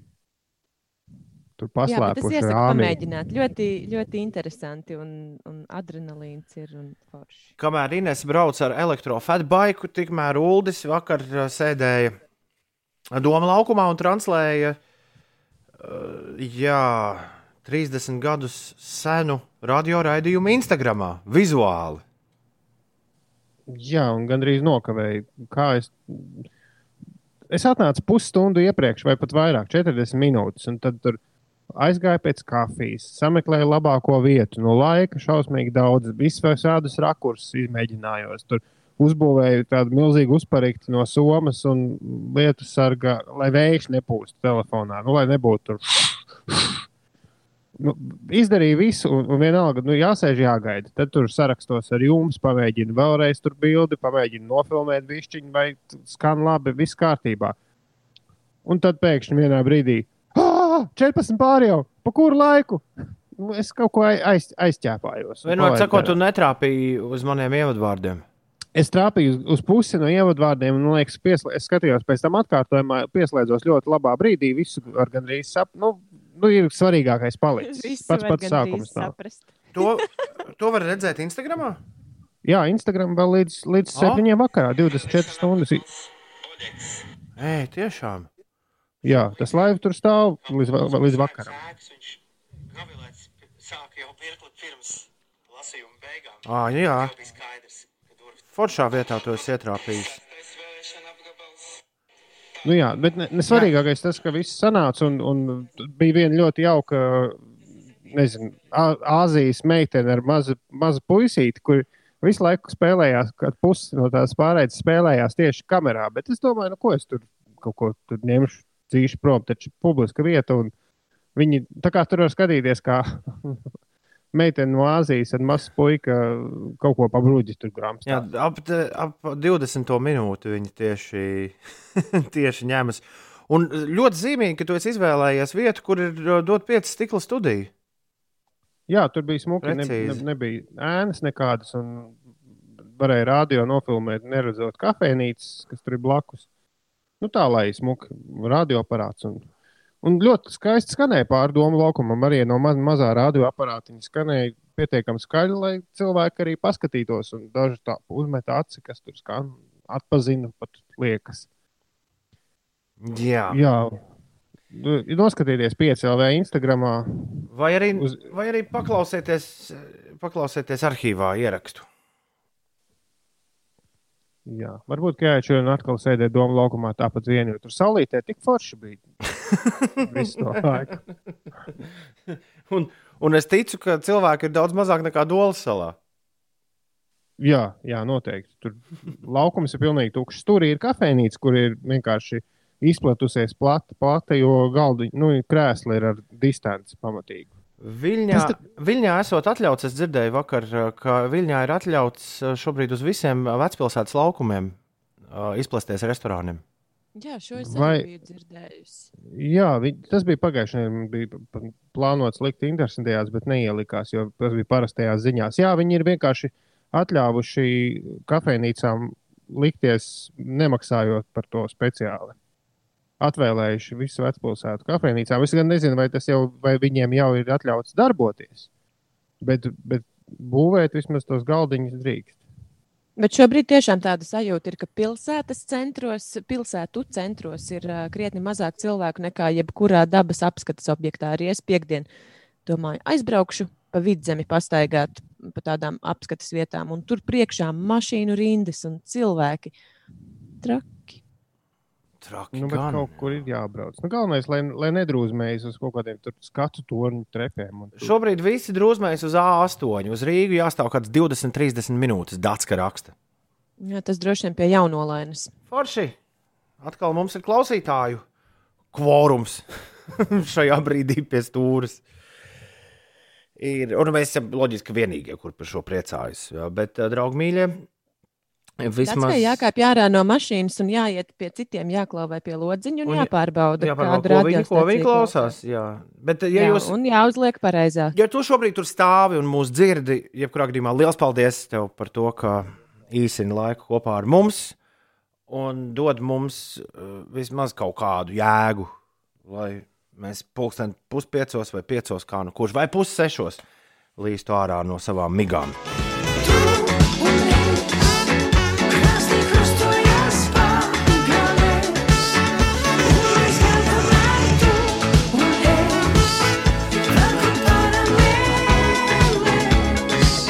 Gluži kā iepriekš runājām, jā, man nāk atklāsme. Atklāsme pēc atklāsmes. Bet, eh, mēs vairs nevaram lepoties Ines un Ulu, ka mums eh, nav jā, reklāmas paužu šajā pārraidē. Jo tagad visiem, vi- visas rīta pārraides ir kļuvušas mums līdzīgas. Nošpikojumā tas tādi. Prāta vētra un paralēlis 7,48 minūtes. Labrīt! Ines, pastāsti, kas notiek? Ārkārtas situācija gaisa kvalitāti Latvijā nav uzlabojusi. Latvijas vidas geoloģijas un meteoroloģijas centra gaisa un klimata nodaļas vadītāja Aiva Eindrofa Latvijas radio skaidroja, ka atsevišķos svarīgajos rādītājos salīdzinot ar šo laiku pērn pat manāms piesārņojuma pieaugums. Tā kā jā, tad, kad autotransporta, autotransporta ielās ir mazāk, tomēr šis nav devis nekādu devumu gaisa kvalitātei, tā pauda Eindrofa. Vēl par to, kas notiek Rīgas ielās. Baltika Maps ziņo, ka šobrīd jārēķinās ar eh, gandrīz 6 minūšu kavēšanos uz A7 posmā Kroksilas balāžu pagrieziens. Lielirbas ielā pavadīsiet 4,5 minūtes, bet citās ierastajās sastrēgumu vietās situācija visai mierīga. Un kā jau mums eh, klausītāji rakstīja, uz A8 ir eh, kārtīgs sastrēgums. Tur jārēķinās vismaz ar pusstundu. Tas ir pie jaunolainas. Šis sastrēgums saistīts ar ceļa remontdarbiem. Un vēl par to, kas notiek eh, Latvijā. Šodien Rīgas krematorijā notiks atvadīšanās no leģendārā šķēpmetēja Jāņa Lūša. Un um, šodienas eh, būvdarbu dēļ būs ierobežota satiksme Bīskapa gātē, arī Bruņinieku un Avotielas krustojumā, tas eh, galvaspilsētā. Šie būvdarbi būs ne tikai šodien, bet turpmākās dienas arī. Ineses priekštece, Zīles kundze, ir pēkšņi sākusi ziņas lasīt Latvijas Rādio 1. Mēs šorīt par to Tas nav pēkšņi. Dairika pa laikam to dara. Hmm. Nu, Rīta stundās, man liekas, viņai ir debija. Mm, Man liekas, ka nē. Nu, labi. Uh, Jebkurā gadījumā viņai sanāca jautra pārteikšanās, ko Uldis iepriekšējā ziņu izlaidumā, ko Uldis piefiksēja. Jā, tas jau dikti sen bija. Mm, Es jau es arī daru sarakstījos. Viņi vienkārši sajaukusi mazliet miljardus un triljonus. Runājot par ASV.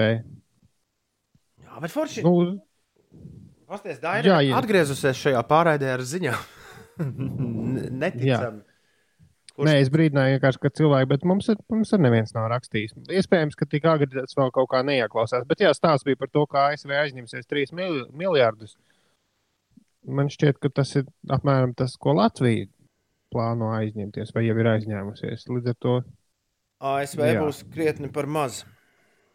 jā, bet runa ir par triljoniem. Bet, nu, ko man septiņos no rīta negadās? Jā. Un kā tā dos, ko? Kā tā Nu, dos? gan jau. Ir bez deviņām minūtēm, astoņi. Pieci rīti skatās TV, V, V, V. Skatās TV. Vispār ir, vispār ir viss kaut kas jauns, Netflixī saradies, kas ir, ko vajag paskatīties. Izrādās, es esmu trīs sērijas seriālam Hollywood nogulējis pie televizora. To es nu pats secināju, atverot, atverot sezonas pārskatu. Bet uh, pirmās desmit minūtes bija rīktīgi fēnas. Pie tā es noteikti kaut kad tuvākajā laikā atgriezīšos. Un izskatās, ka Into the Night ir gana tāds kuku gabals, ko varētu paskatīties, vismaz, lai saprastu, kas tas ir. Bet šodien mēs dodamies pa animācijas taku. Uldis ir ļoti labi sagatavojies. Es esmu noskatījies. Jordana seriālu mēs neesam noskatījušies. nevienu. Nē, Bet viņš jau būs aktuāls vēl ilgi, jo viņam nāk pa vienai sērijai katru nedēļu. Viņš jau nav viss pieejams, Ines. Labi. bet eh, šodien mums ir kaut kas, kaut kas pilnīgi kuku. Es rakstīju Magnusam Eriņam, kuram man liekas, patīk eh, mūsu pēcpusdienas cilvēkam, kuram patīk šāda žanra lietas. Es teicu, ka nu, šis te Riks un Mortīs ša- šai mūtenei pienes ūdeni. Ja jūs zināt, kas ir Riks un Mortīs, un ja jūs gribat redzēt mūteni, kurai viņi pielā- pienes ūdeni, tad meklējiet rokā Midnight Gospel, jeb pusnakts grēksūdze. tā laikam sanāk, jā. Ja? Midnight Gospel. Nu, Ulu, tā kā tu esi nostājies vairāk par vienu sēriju, es esmu pirmo redzējis tikai tādu klainu vaļā. Kas šis ir par Es tikai labas atsauksmes esmu dzirdējusi. Jā, no, no pirmās sērijas ļoti grūti arī no pirmajām divām, trijās jau apmēram tur sāc saprast, kā un kas tur notiks. Un, uh, jā, uh, kaut kādās apskatos arī saka, ka tas ir Rick and Morty saticies ar Joe Rogan podkāstu. Nu, īsti ar Riku un Mortiju šo salīdzināt nevar, jo Rikam un Mortijam tomēr ir stāsts un, un kaut kāda interesants, uh, paplašinošs skats uz pasauli. Šis ir uh, ļoti interesanta ko- forma. Tas ir sens podkāsts, kam ir sazīmēta pa virsmu multene. Ir paņemts reāls, eksistējošs podkāsts, kurā runā īsti cilvēki. Diezgan populāri, nu, kaut kādās aprindās. Bet viens no podkāstiem, kur runā par ļoti tādām dziļām tēmām, par, tur ļoti daudz runā par, par, par a- nu, personības atklāsmēm un izzināšanu, un par dažādām ezotēriskām lietām, un par nāvi, un par, nu, vispār par filozofiju. Un ļoti tāds dziļš un nopietns podkāsts, un tam uzzīmēta pa virsmu. Pilnīgi tam īstajam podkāstu audio. Uzzīmēta pa virsmu pilnīgi kuku animācija. Tur gan ir eh, šī podkāsta, tas uh, autors arī ir viens no autoriem šai mūtenei, un viņi ir, protams, pielikuši klāt stāstījumu, lai tas viss būtu kaut kādā salīdzinoši jēgā. Un tas stāstījums ir par kaut kādu uh, mūtens stāstījums, ir par čali, kurš dzīvo kaut kādā trailerī, viņš ieraksta podkāstu kosmosā, jeb spēckāstu. Un, uh, tas nozīmē, ka viņš katrai sērijai viņš dodas uz kādu no, kā pateikt, multiversu latviešu. Uz Uz- citu, uz citu dimensiju, Jā, jā, uz, jā. Citu, uz paralēlu realitāti. Par, paralēlu realitāti, uz, uz Zemi, kādā citā realitātē, kur viņš izlo, izlozē kādu personu, ko viņš intervēs. Un tajā brīdī, kad viņš dodas ļoti interesantā veidā uz šo paralēlo realitāti, tajā brīdī sāk skanēt šī īstā podkāstu audio, kura, kura saturs pilnīgi nav saistīts ar to, kas notiek uz ekrāna. Bet, Ines, ja, ja, tu, ja tu kādreiz. Šis ir vistuvākais sapnim, ko tu vispār Jā, vari jā. šobrīd televizorā redzēt. Precīzi. Izņemot, varbūt, dažas Davida Linča filmas. Bet nu, tas ir. Tas ir sapnis. Šis ir sapnis, kurš ir šausmīgi smieklīgs. Nu, nenormāls. Jā. Nu, nenormāls smieklīgs. Un man, man šķiet, ļoti jauks ir. Uh, nu, jo daudzi vietās, kur dažādas vielas ir atļautas, daudzi saka, ka šis būtu rīktīgi labs, ko skatīties. Tur, nu, Jā, es arī kādā- esmu dzirdējis, ka tikai tādā īpašā emocionālā stāvoklī var uh, saprast šo multeni. uh, žurnāla Forbes apskatnieks pilnīgi iebilst. Un es arī domāju, ka, ka, nē, ka šis ir. Uh, ir rakstīts, ka šis ir tieši tik dziļš seriāls un tik aizkustinošs, kā daži iedomājas, kādi viņi ir tad, kad ir kaut ko salietojušies. Midnight Gospel. Jums šis ir jāredz. Pusnakts Nu, grēksūdze. Uh, meklējiet, tas- rokā, viņš ir netpliķī. Uh, jā, jūsu diena uzlabosies ļoti. To ir ļoti grūti ātri. izstāstīt, bet ievelkot, es noteikti skatīšos arī 4. sēriju. Tas nav Rick and Morty. To nevar salīdzināt ar Rick and Morty. Tas nav Bet, Dienvidu parks, tas nav. Uh, nu, t- tas nav nekas, ko jūs līdz šim esat redzējuši. Tas ir svarīgākais. Būs Sapnis. jāpaskatās. Sapnis, Ulas teica. Tas ir Jā. sapnis. Mhm. Zini, kas jaunām meitenēm ir sapnis. Sapnis ir kā pavērs durvis un agrā rīta stundā ar kafiju un brokastīm un paplāti iesoļo. Neviens cits kā Harijs Styles un sāk dziedāt šito dziesmu.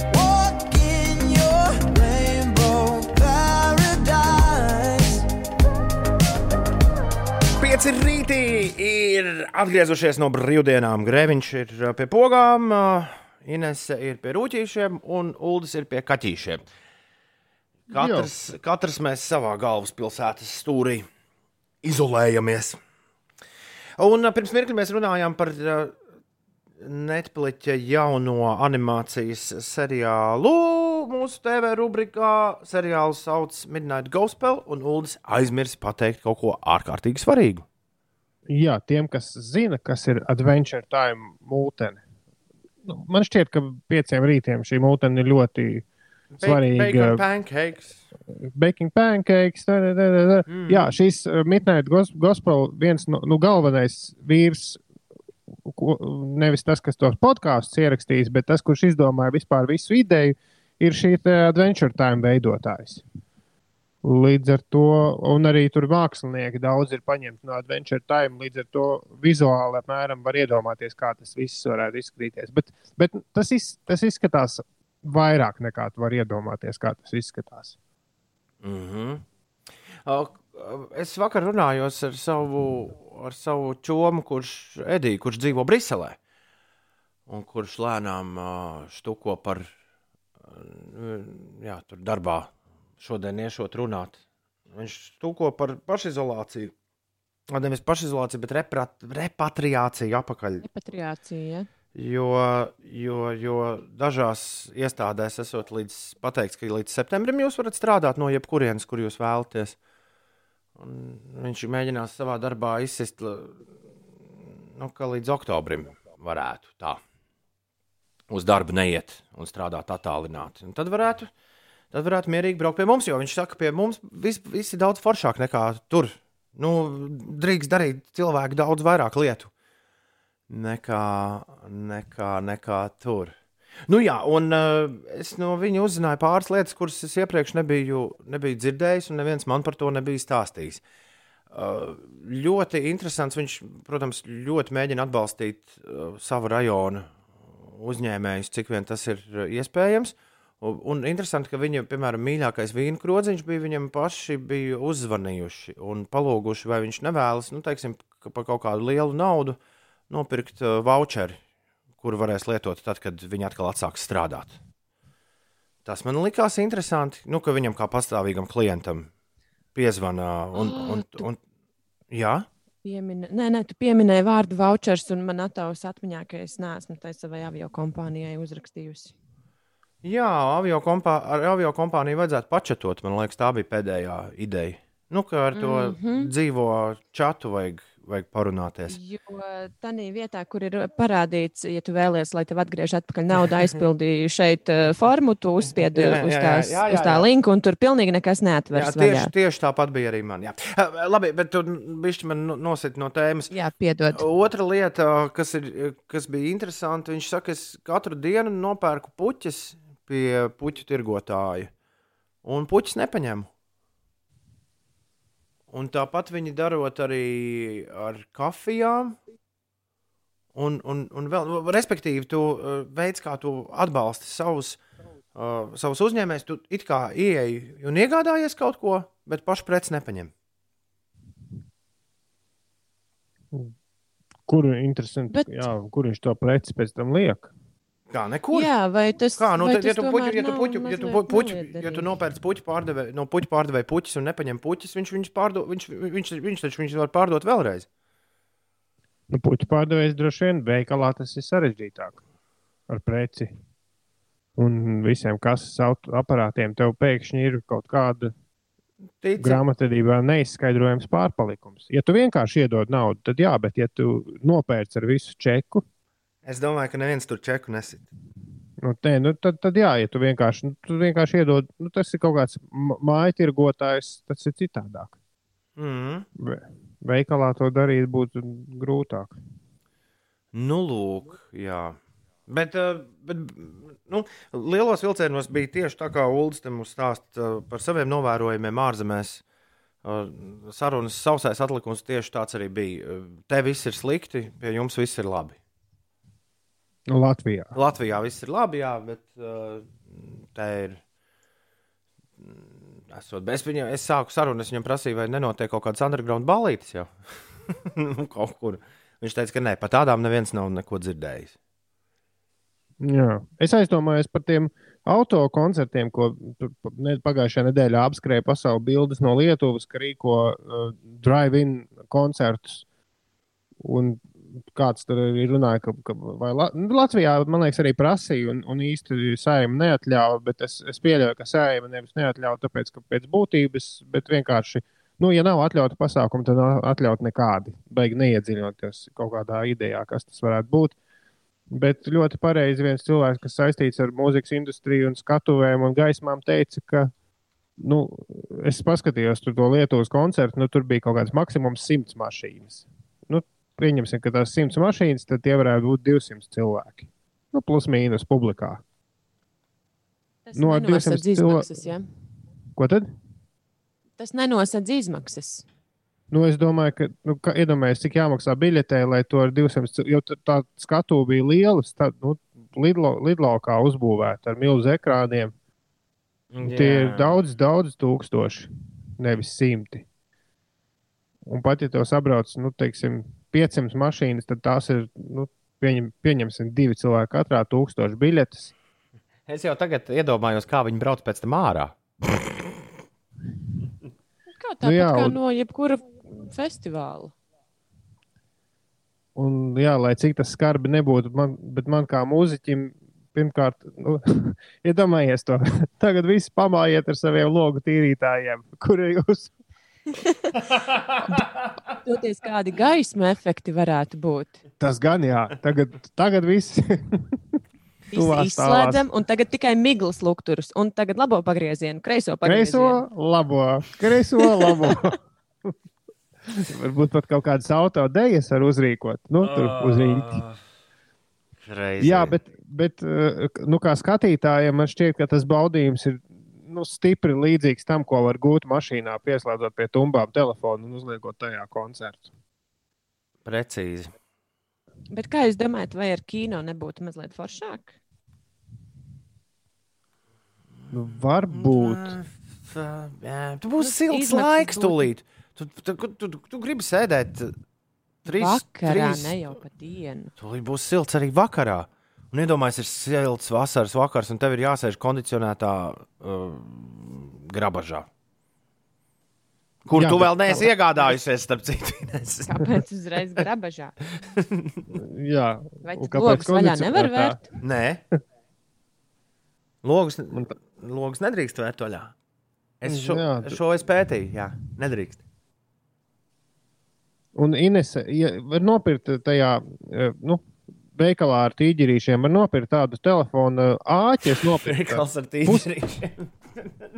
pusmetru garš tāds, tā, tā kā tāda stiepla, kurai, var, kurai gabos galos ir tāda milzīga knaģa. Tu piesprādi pie galda un otrā galā iekneģē telefonu. Nu, lai tu vari telefonu piesprāst, kur vēlies.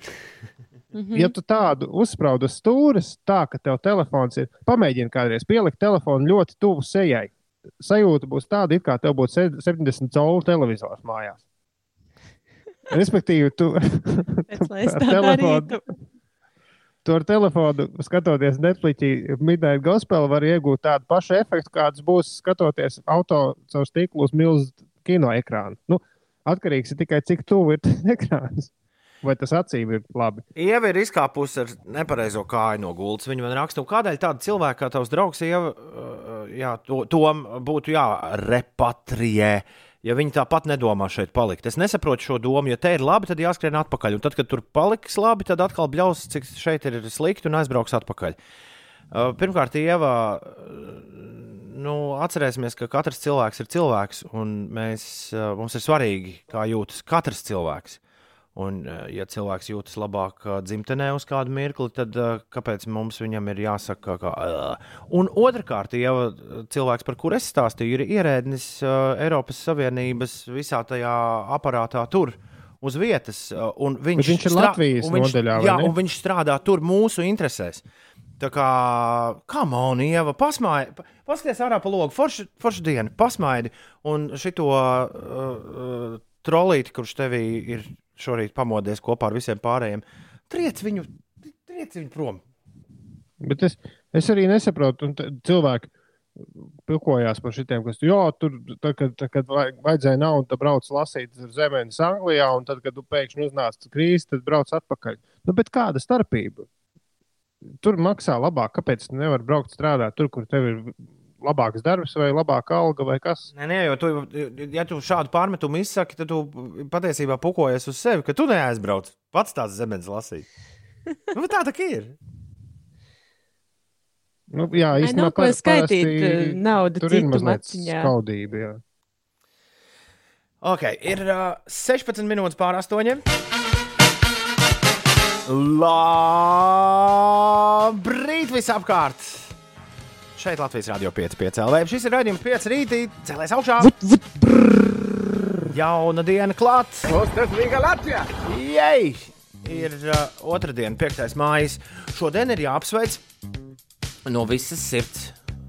Uh, jā, ģēderts un ģirts. Šodien ir ģirtu diena, ģēdertam un ģirtam ir vārdu diena. Teātris un kino aktrisei Indrai Burkovskai ir dzimšanas diena. Adelei ir dzimšanas diena, Krisam Braunam, Kregam Davidam, Mājai Silovai un Ulda Antrai arī. Un Antrai Veigurei. Un An Ineses Kalniņai ir dzimšanas diena. Ingai Kalniņai, jā, Jā. viņa staigā pa kalniem. Runājot par drive-in noteikumiem, Latvijā pagaidām pulcēšanās nav atļauta jebkādā veidā, arī ar automašīnām. Raksta Elizabete. Nē, te nav runa par pulcēšanos, bet par pasākumiem. Pre- precīzi, respektīvi, pasākumi šobrīd nav ļauti. Atļauti. Un pasākums ir kaut kas, kur tu pasaki, rīt, pulksten septiņos vakarā notiks tas un tas, un laipni lūgt. Publiski. Tas ir pasākums. Attālināti droši.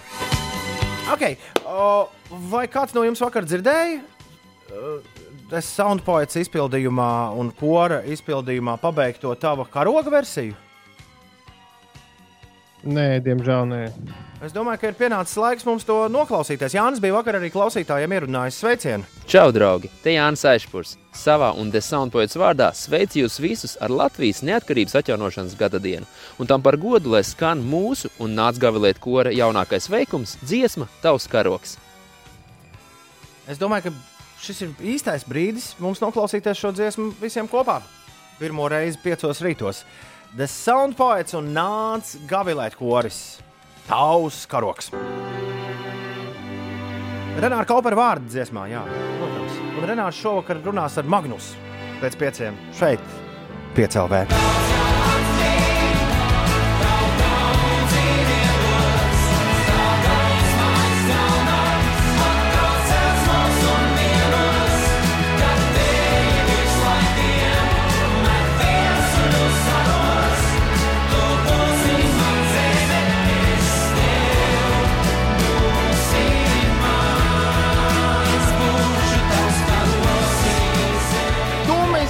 Atrakstījis SMS. Hei, hei, agrorītu draugi! Sen nedzirdēti, sen neredzēti. Pavasaris klāt un vasarā jau drīz klājas pie, pie, pie, pie loga. Laiks silts, gaiss mažīgs, viss zaļš un ziedošs. Prieks acīm, prieks sirdī, prieks, prieks, prieks, prieks, prieks. prieks. Tā Tumis rakstā. Jā. SMS, SMS. Ja kāds, ja kāds gribēja zināt, kāpēc es tik jocīgi lasu, eh, es ik pa brīdim apstājos, lai dzirdētu mūziku, jo tad, kad es runāju, mūzika pazūd. Tumis vienalga raksta SMS, vienalga vai tu runā vai nerunā, vai apstājies vai nē. Jā, bet ļoti interesanti sajūta. arī tad, kad es stāsta, kas notiek. Es nedz- Jā, bet tev nav jāmēģina ritmā kaut kādā trāpīt. Vismaz iedomātā. Tādā ziņā, jā. Bet tas neliedz tev- Tūmim rakstīt SMS. Viņš vienmēr rakstā, vienmēr raksta mums SMS. Uh! Zemenēs. Cilvēku- Oh, laumas īziņa forši. Jā. Jā. jā, cilvēku uz ielām izskatās tik bēdīgi, it kā būtu pirmdienas rīts, raksta Lauma. Come on, saņemās! Ir jau otrdiena, lai visiem saulaina un izdevusies diena. Lauma, tu tiešām mūs pārsteidz ar vienu ļoti foršu izziņu. Paldies tev par to. 8,26. Ines, kas notiek? Uh, Par sastrēgumiem un satiksmi aizvien ir sastrēgums. Nu, droši vien nevis aizvien, bet uh, tā tas būs katru rītu, kamēr turpināsies remontdarbi uz autoceļa A8 pie jaunolainas. Tur šobrīd ir jārēķinās ar pusstundu ceļu. Čau, iespējams. Etera cilvēki! Varbūt atrodiet uh, citus ceļus, kā nokļūt uh, Rīgā no Jālgavas. Tikmēr uh, pašā galvaspilsētā Čakā ielā jārēķinās ar 5 minūšu kavēšanos. Tas ir posmā no Matīs ielas līdz Tallinas ielai. A7 posms, Kroksilas balāžas pagrieziens sastrēdzis uz aptuveni 8 minūtēm. Kārļa Ulmaņa gatavē pavadīsiet mazliet vairāk nekā 3 minūtes, un citās ierastajās sastrēgumu vietās situācija ir visai mierīga. Sabiedrības attieksme pret noteiktajiem ierobežojumiem māja brīvdienās apdraud ieceri tos pārskatīt un mīkstināt, jo svētku brīvdienās plaši novērots, ka cilvēki paši bija izdomājuši šos ierobežojumus atcelt. Tā šorīt intervijā Latvijas radio sacīja eh, infektologs Uga Dumpis. Eh, Viņš saka, ka kopējā situācija nav būtiski mainījusies, proti, dienas laikā saslimušo skaits lēkā pa dienām. Tāpēc jautājumā par ierobežojumu pārskatīšanu ir jābūt uzmanīgiem, jo tos pār, atceļot pārāk strauji, saslimušo skaits var pieaugt. Tālūk. Jā. 8 un 28 minūtes. Mēs tikai ar Ulu zinām, ka mēs nebūsim līdz vasaras. Nu, vismaz Samersona festivāla atcelšana man nozīmēja. Nu, tā beidzot apzināties līdz galam, pa simt procentiem, ka šovasar es nebūšu uz skatuves vispār. Un, un, un, un, un jā, nu, nu tā kaut kā. Vienalga, vai kaut ko mīkstinās vai nemā- nemīkstinās, tas nu, ir vienkārši fakts un viss. Jā, man, man kaut kādi koncerti briest, bet vai, vai tas būs bez publikas? Kaut kas te uz māja beigām sāk organizēties uz jūniju. Bet, bet kā tas uh, izpaudīsies praksē, īsti nav, nav nejausmas. Jo Interesanti, kaut kādā. Jā, interesanti, vai kādā brīdī mums ļaus tādus maziņus pasākumus taisīt. Nu, mini. nu, Nezinu, nu, par to ir runa, jā, bet tajos mini pasākumos, ja tev ir teiksim, līdz 50 cilvēkiem, tad tiem 50 cilvēkiem ir jāievēro, jāievēro distance. un Tas nozīmē, ka jābūt ir lielai telpai. Respektīvi, jo par to es tur diezgan daudz izsādu mūzikas uh, industrijas ļaudis spriež, un kā tas varētu būt. Ka jāsaprot, ka tas nenozīmē, ka varēs mazā klubiņā rīkot mazu mīlīgu Ah. koncertiņu. Tai būs jābūt lielai Ārā. zālei ar distanci un Jā, brīnišķīga diskoteka varētu būt. Tiešām varētu. tāda sajūta būs, būs tāda, kā slikti, slikti izpārdotā koncertā. Bet nevar vai tad rīkot ārā mazos koncertiņus? Nu, bet visiem Vai ir jāsēž ar divu metru. sadardzinās? Visiem ir jāsēž Ines ar divu metru distanci. Tas, tas, tu, Nu jā, tas bet ārā divu metru distance ir vieglāk ievērot nekā atrast milzīgu telpu, par kuras eh, noīrēšanu droši vien ir jāsamaksā tikpat milzīga nauda. Nē, nē, skaidrs, un ārā arī ir drošāk. Vienkārši vai tu esi bijis nu, kādā ārā koncertā, kurā ir ļoti retas publikas rindas? Nav tāda baigta mājīgā sajūta. Nav Nu, gan, jā. Nu, no skatuves mēs, mēs ar Ulu domājam, no, no skatuves perspektīvas skatuves. raugoties. Jā. Nu, jā, jo gribas jau, lai tie patīk, cilvēki. jo mazāk cilvēku, jo labāk. Man nepatīk tā drūzmēšanās. un Tā ārā tev atkal sāksies problēma, kā tu nokontrolēsi cilvēku daudzumu. Nu, ne jau tu katrai pļavai vari aplikt apkārt žogu, apsa, atkal sadā, sadārdzinājums un tā tālāk. Nu, jā, nu, zi- laikam ne mums šos lemt. Tas gan. Ir eh, principā līnija dejas rakstā metālijas. Tad Bauskas country festivāls varētu notikt. Uh, Brīvdienas bij, brīvdienās biju Latvijā un centos distancēties cik vien var, bet cilvēki kā traki bija grupās un ļoti daudz raksta kosmonauts. Arī piebraucot kokneses pilsdrupās, izlēma nekāpt ārā no mašīnas, jo viss bija pārbāzts ar mašīnām un cilvēkiem. Esam apdomīgi un atbildīgi. Jā. Nobrauktuvi no dienvidu tilta uz krasta ielu sastrēgst. Tur vienā joslā vagoniņš no četrām automašīnām. Uz Jālgavas šoseis remonts būs līdz nākamā gada vidum, raksta Blatīns. Šis ir tikai un vienīgi sākums. Vai nav brīnišķīgi? Un Igors saka, sveiciens ģirtam ģedartam vārda dienā. Viņu uzvārdam šodien arī vārda diena. Girds ģedarts. Cik forši? Brīnišķīgi. Un es sapratu, ka, skan. es sapratu, ka mēs pirms stundas neapsveicām Inesu vai Novsku dzimšanas dienā no Lauras. Tas nu ir labots. Inese, daudz laimes dzimšanas dienā! Un lai tev riktīgs! Abracadabra, tava maģija labā. Music! Marats un Emīls! Abrakadabra! Rāda mums savu vudu 8 un 35 minūtēs. Labrīt! Uldim liekas, šķiet, ka Volfs ir netīrelis. Artis Volfs savu auto mazgā vidēji trīs reizes gadā. Tas tā kā ir pa maz? Nē, Uldi, es jautāju, Ah, tu tā Vai- biji. Es sajaucu. vai tas ir pietiekami vai nē? Trīs reizes. Nu, man, ir, gadā, 365 man ir stipri līdzīgi, ja neskaita lietu. Tā kā man tas liekas ok. Bet varbūt tas arī atkarīgs no kā ar krāsu paveicis auto. Tiesa. Ah, labi, Volf, izstāsti, kas tur topā notiek tagad. Nu, labrīt, labrīt, labrīt, pieci rīti. Teātris Volps un Svētdien notika Latvijas top 40. Pirmais desmitnieks izskatās šādi. Latvijas top 40. Desmit. Uz augšu par astoņām vietām College and Disclosure ar Know Your Words. Deviņi. Plus četras pozīcijas Roddy Rich ar The Box. Astoņi. Mīnus viena pozīcija Joel Corey ar Lonely.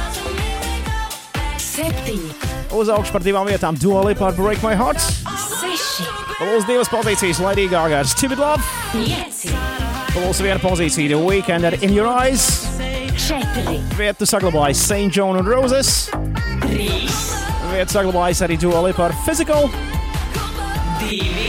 Un vietu saglabājas arī The Weekend ar Blinding Lights.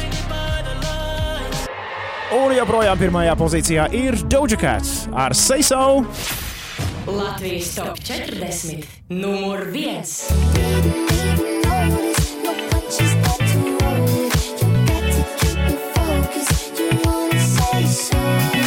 Doja Cat. Say so. Bez 20 minūtēm, 7. Labrīt, ko es te pateicu? Nu pat? Bez 20 Bez 20 minūtēm septiņos. Nē, nē, ir bez 20 minūtēm 9. Mieru. Tā ir kā, ai, ka mēģina darīt vairākas lietas vienlaicīgi. Uh, Vienu runāt, otru domāt, un, un, un trešo vēl darīt. Ah, uh, jā, labrīt! Šeit tavs rīta radio. Mēs joprojām pie labākā garstāvokļa un labākās veselības. Cerams, visi. Jā, uh, jā. pieci rīti. Jā, Inesē, viss kārtībā? Jā, jā. Tad labi. Tā, ja es pareizi atceros, tad tagad uh, scenārijā bija rakstīts, jo es esmu nolicis visu scenāriju malā, bet bija rakstīts, ka jābūt gaisā vai aizā. Gaisā vai aizā? Interesantās mūzikas aptauja. Bet kas notika gaisā vai aizā pirms garajām brīvdienām, tur gan neliekšos. Man, vajag, lai grāmatvedis ziediņš izstāsta. To, Tā, to es vienkārši neatceros. samīļo mani gāja kādu laiku ļoti labi un tika pie trīs uzvarām. Un tad viņi nometa, nometa nost divi. kaut kas, vai ne? Jā, tu nomet nost uh, čīzbāgā. cheeseburgā. angļu valodas mācību stunda, labas angļu valodas mācību stunda, porno un ko izpildījumā. Pareizi. Klausāmies! Viss kopā, viss kopā! Hambāgā, cheeseburgā!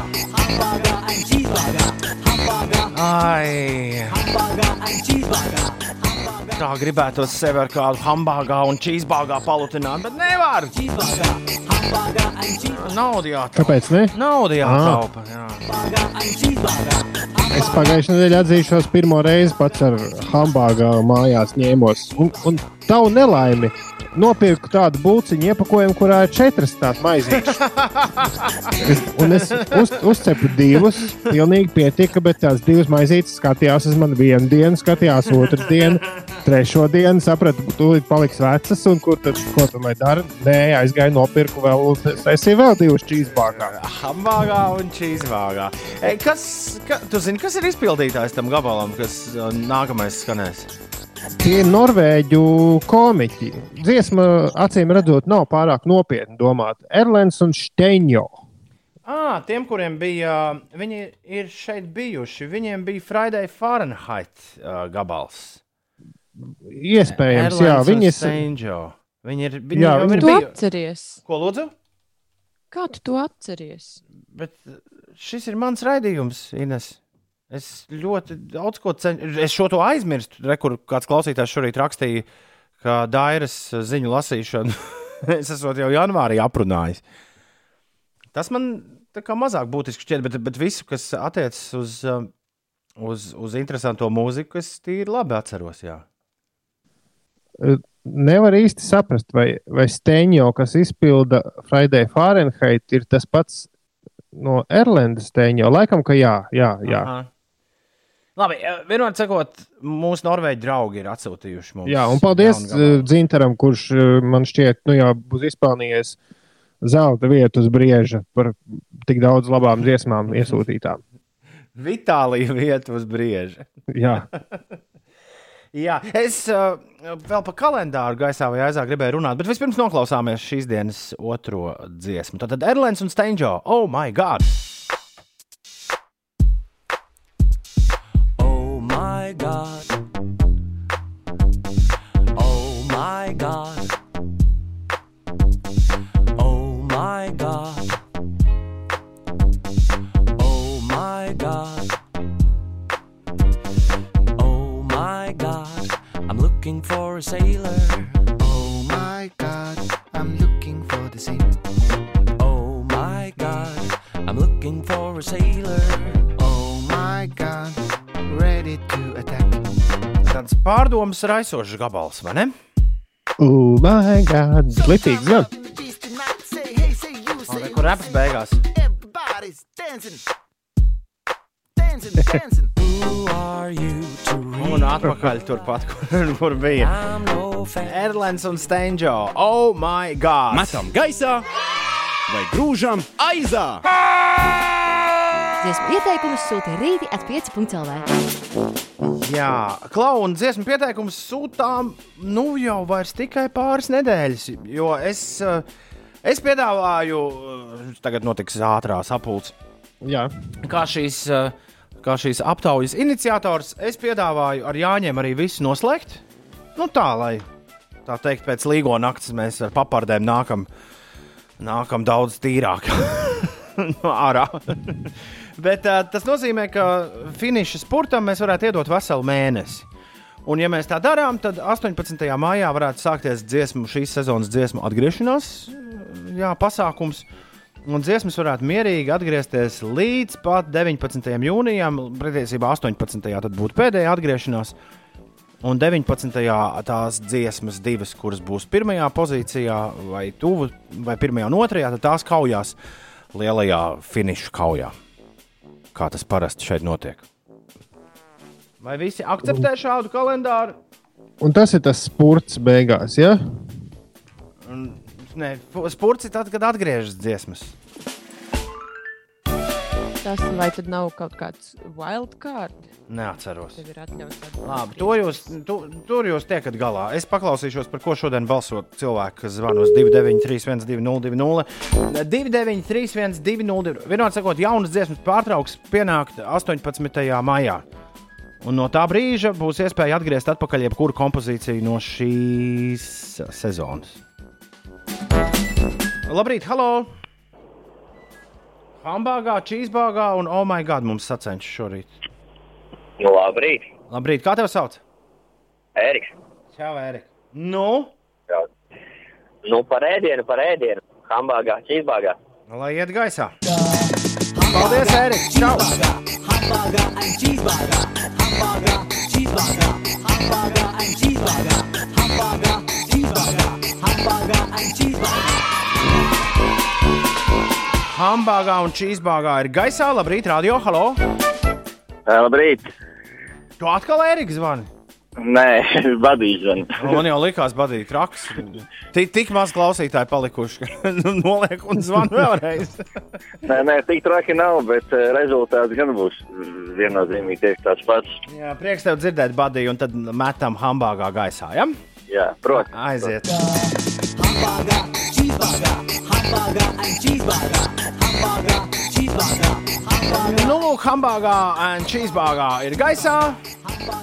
Un tas nozīmē, ka smalkā dziesmiņa par.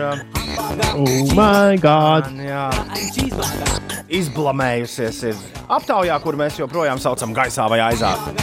Tātad metam hambāgā gaisā un. Oh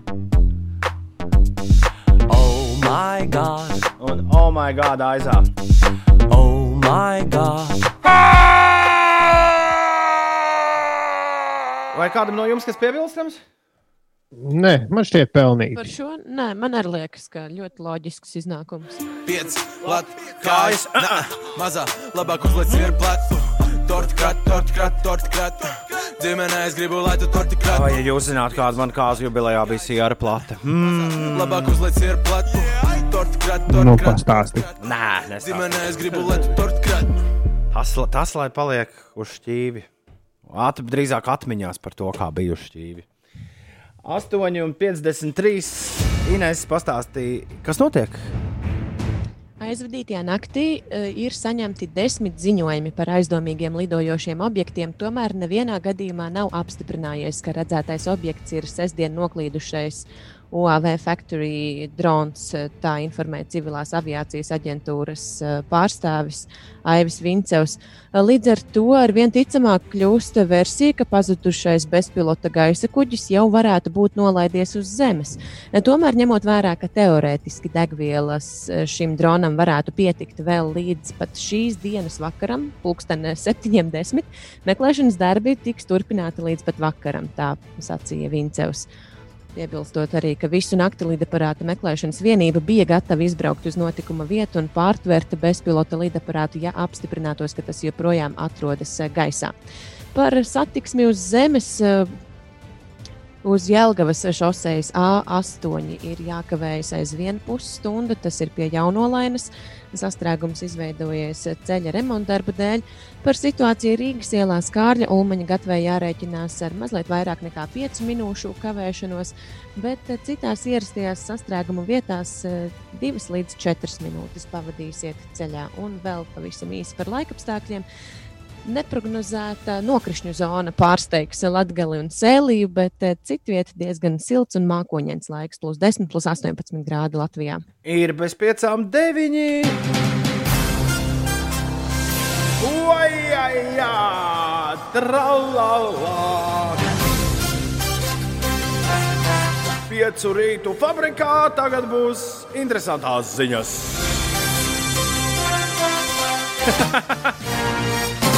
Tas lidaparāts gan jau vairs nav gaisā, bet ir aizā. Tā raksta kāds klausītājs. Brīnišķīgi. Vakar bija liela svētku diena. Ne tikai mēs atzīmējām neatkarības 30 gadus, bet visā pasaulē tika svinēta May the Force diena. Ines, vai tu zini, kas ir May the Force Day? Nē, bet man ir sajūta, ka tas ir saistīts ar zvaigžņu kariem. Ir gan May the for, for, Force be with you, un tad. Uh, Tad es kā jūtu pilnīgi vakar, man bija mugurā zvaigžņu karu krekliņš. ja Tieši tā, ļoti pareizi. Jā, šajā sakarā Star Wars sociālo tīklu kontos ir publicēta kāda interesanta ziņa. Ir atklāts, ka viena no nākamajām Star Wars filmām režisērs vīrs, kurš ir tuvu stāvējis man tik mīļajam Flight of the Concords. Labs draugs abiem diviem. Un arī, man liekas, redzams tur uh, dažās sērijās. Viņš ir atbildīgs par Inesai tik mīļā zvaigžņu karu seriāla Mandalorian fināla režiju. Un turklāt ierunājis tajā arī druīda IG-11 balsi. Es, es šo nemaz nezināju, ka viņš ir Mandalorian filmējis. Mēs par to runājām, tad, kad Mandalorian iznāca. Bet, uh, jā, viņa What we do in shadows. Eagle vs. Shark. Viņam ir tik brīnišķīgi kinodarbi. Un, uh, jā, tas ir neviens cits kā nesenais Oskara ieguvējs Jojo Rabbit, režisors no Jaunzēlandes, Mr. Taika vai Titī. Uldis gan ir atmetis cerības izsekot līdzi visiem Disneja paziņojumiem par jaunajām Star Wars filmām, jo nu jau ir bijis pa daudz. Mums taču arī solīja, ka vienu triloģiju filmēs Game of Thrones veidotāji un kas tik vēl ne. Skaidrs ir tikai viens mūsu atlikušās dzīves laikā - zvaigžņu karu mums netrūks.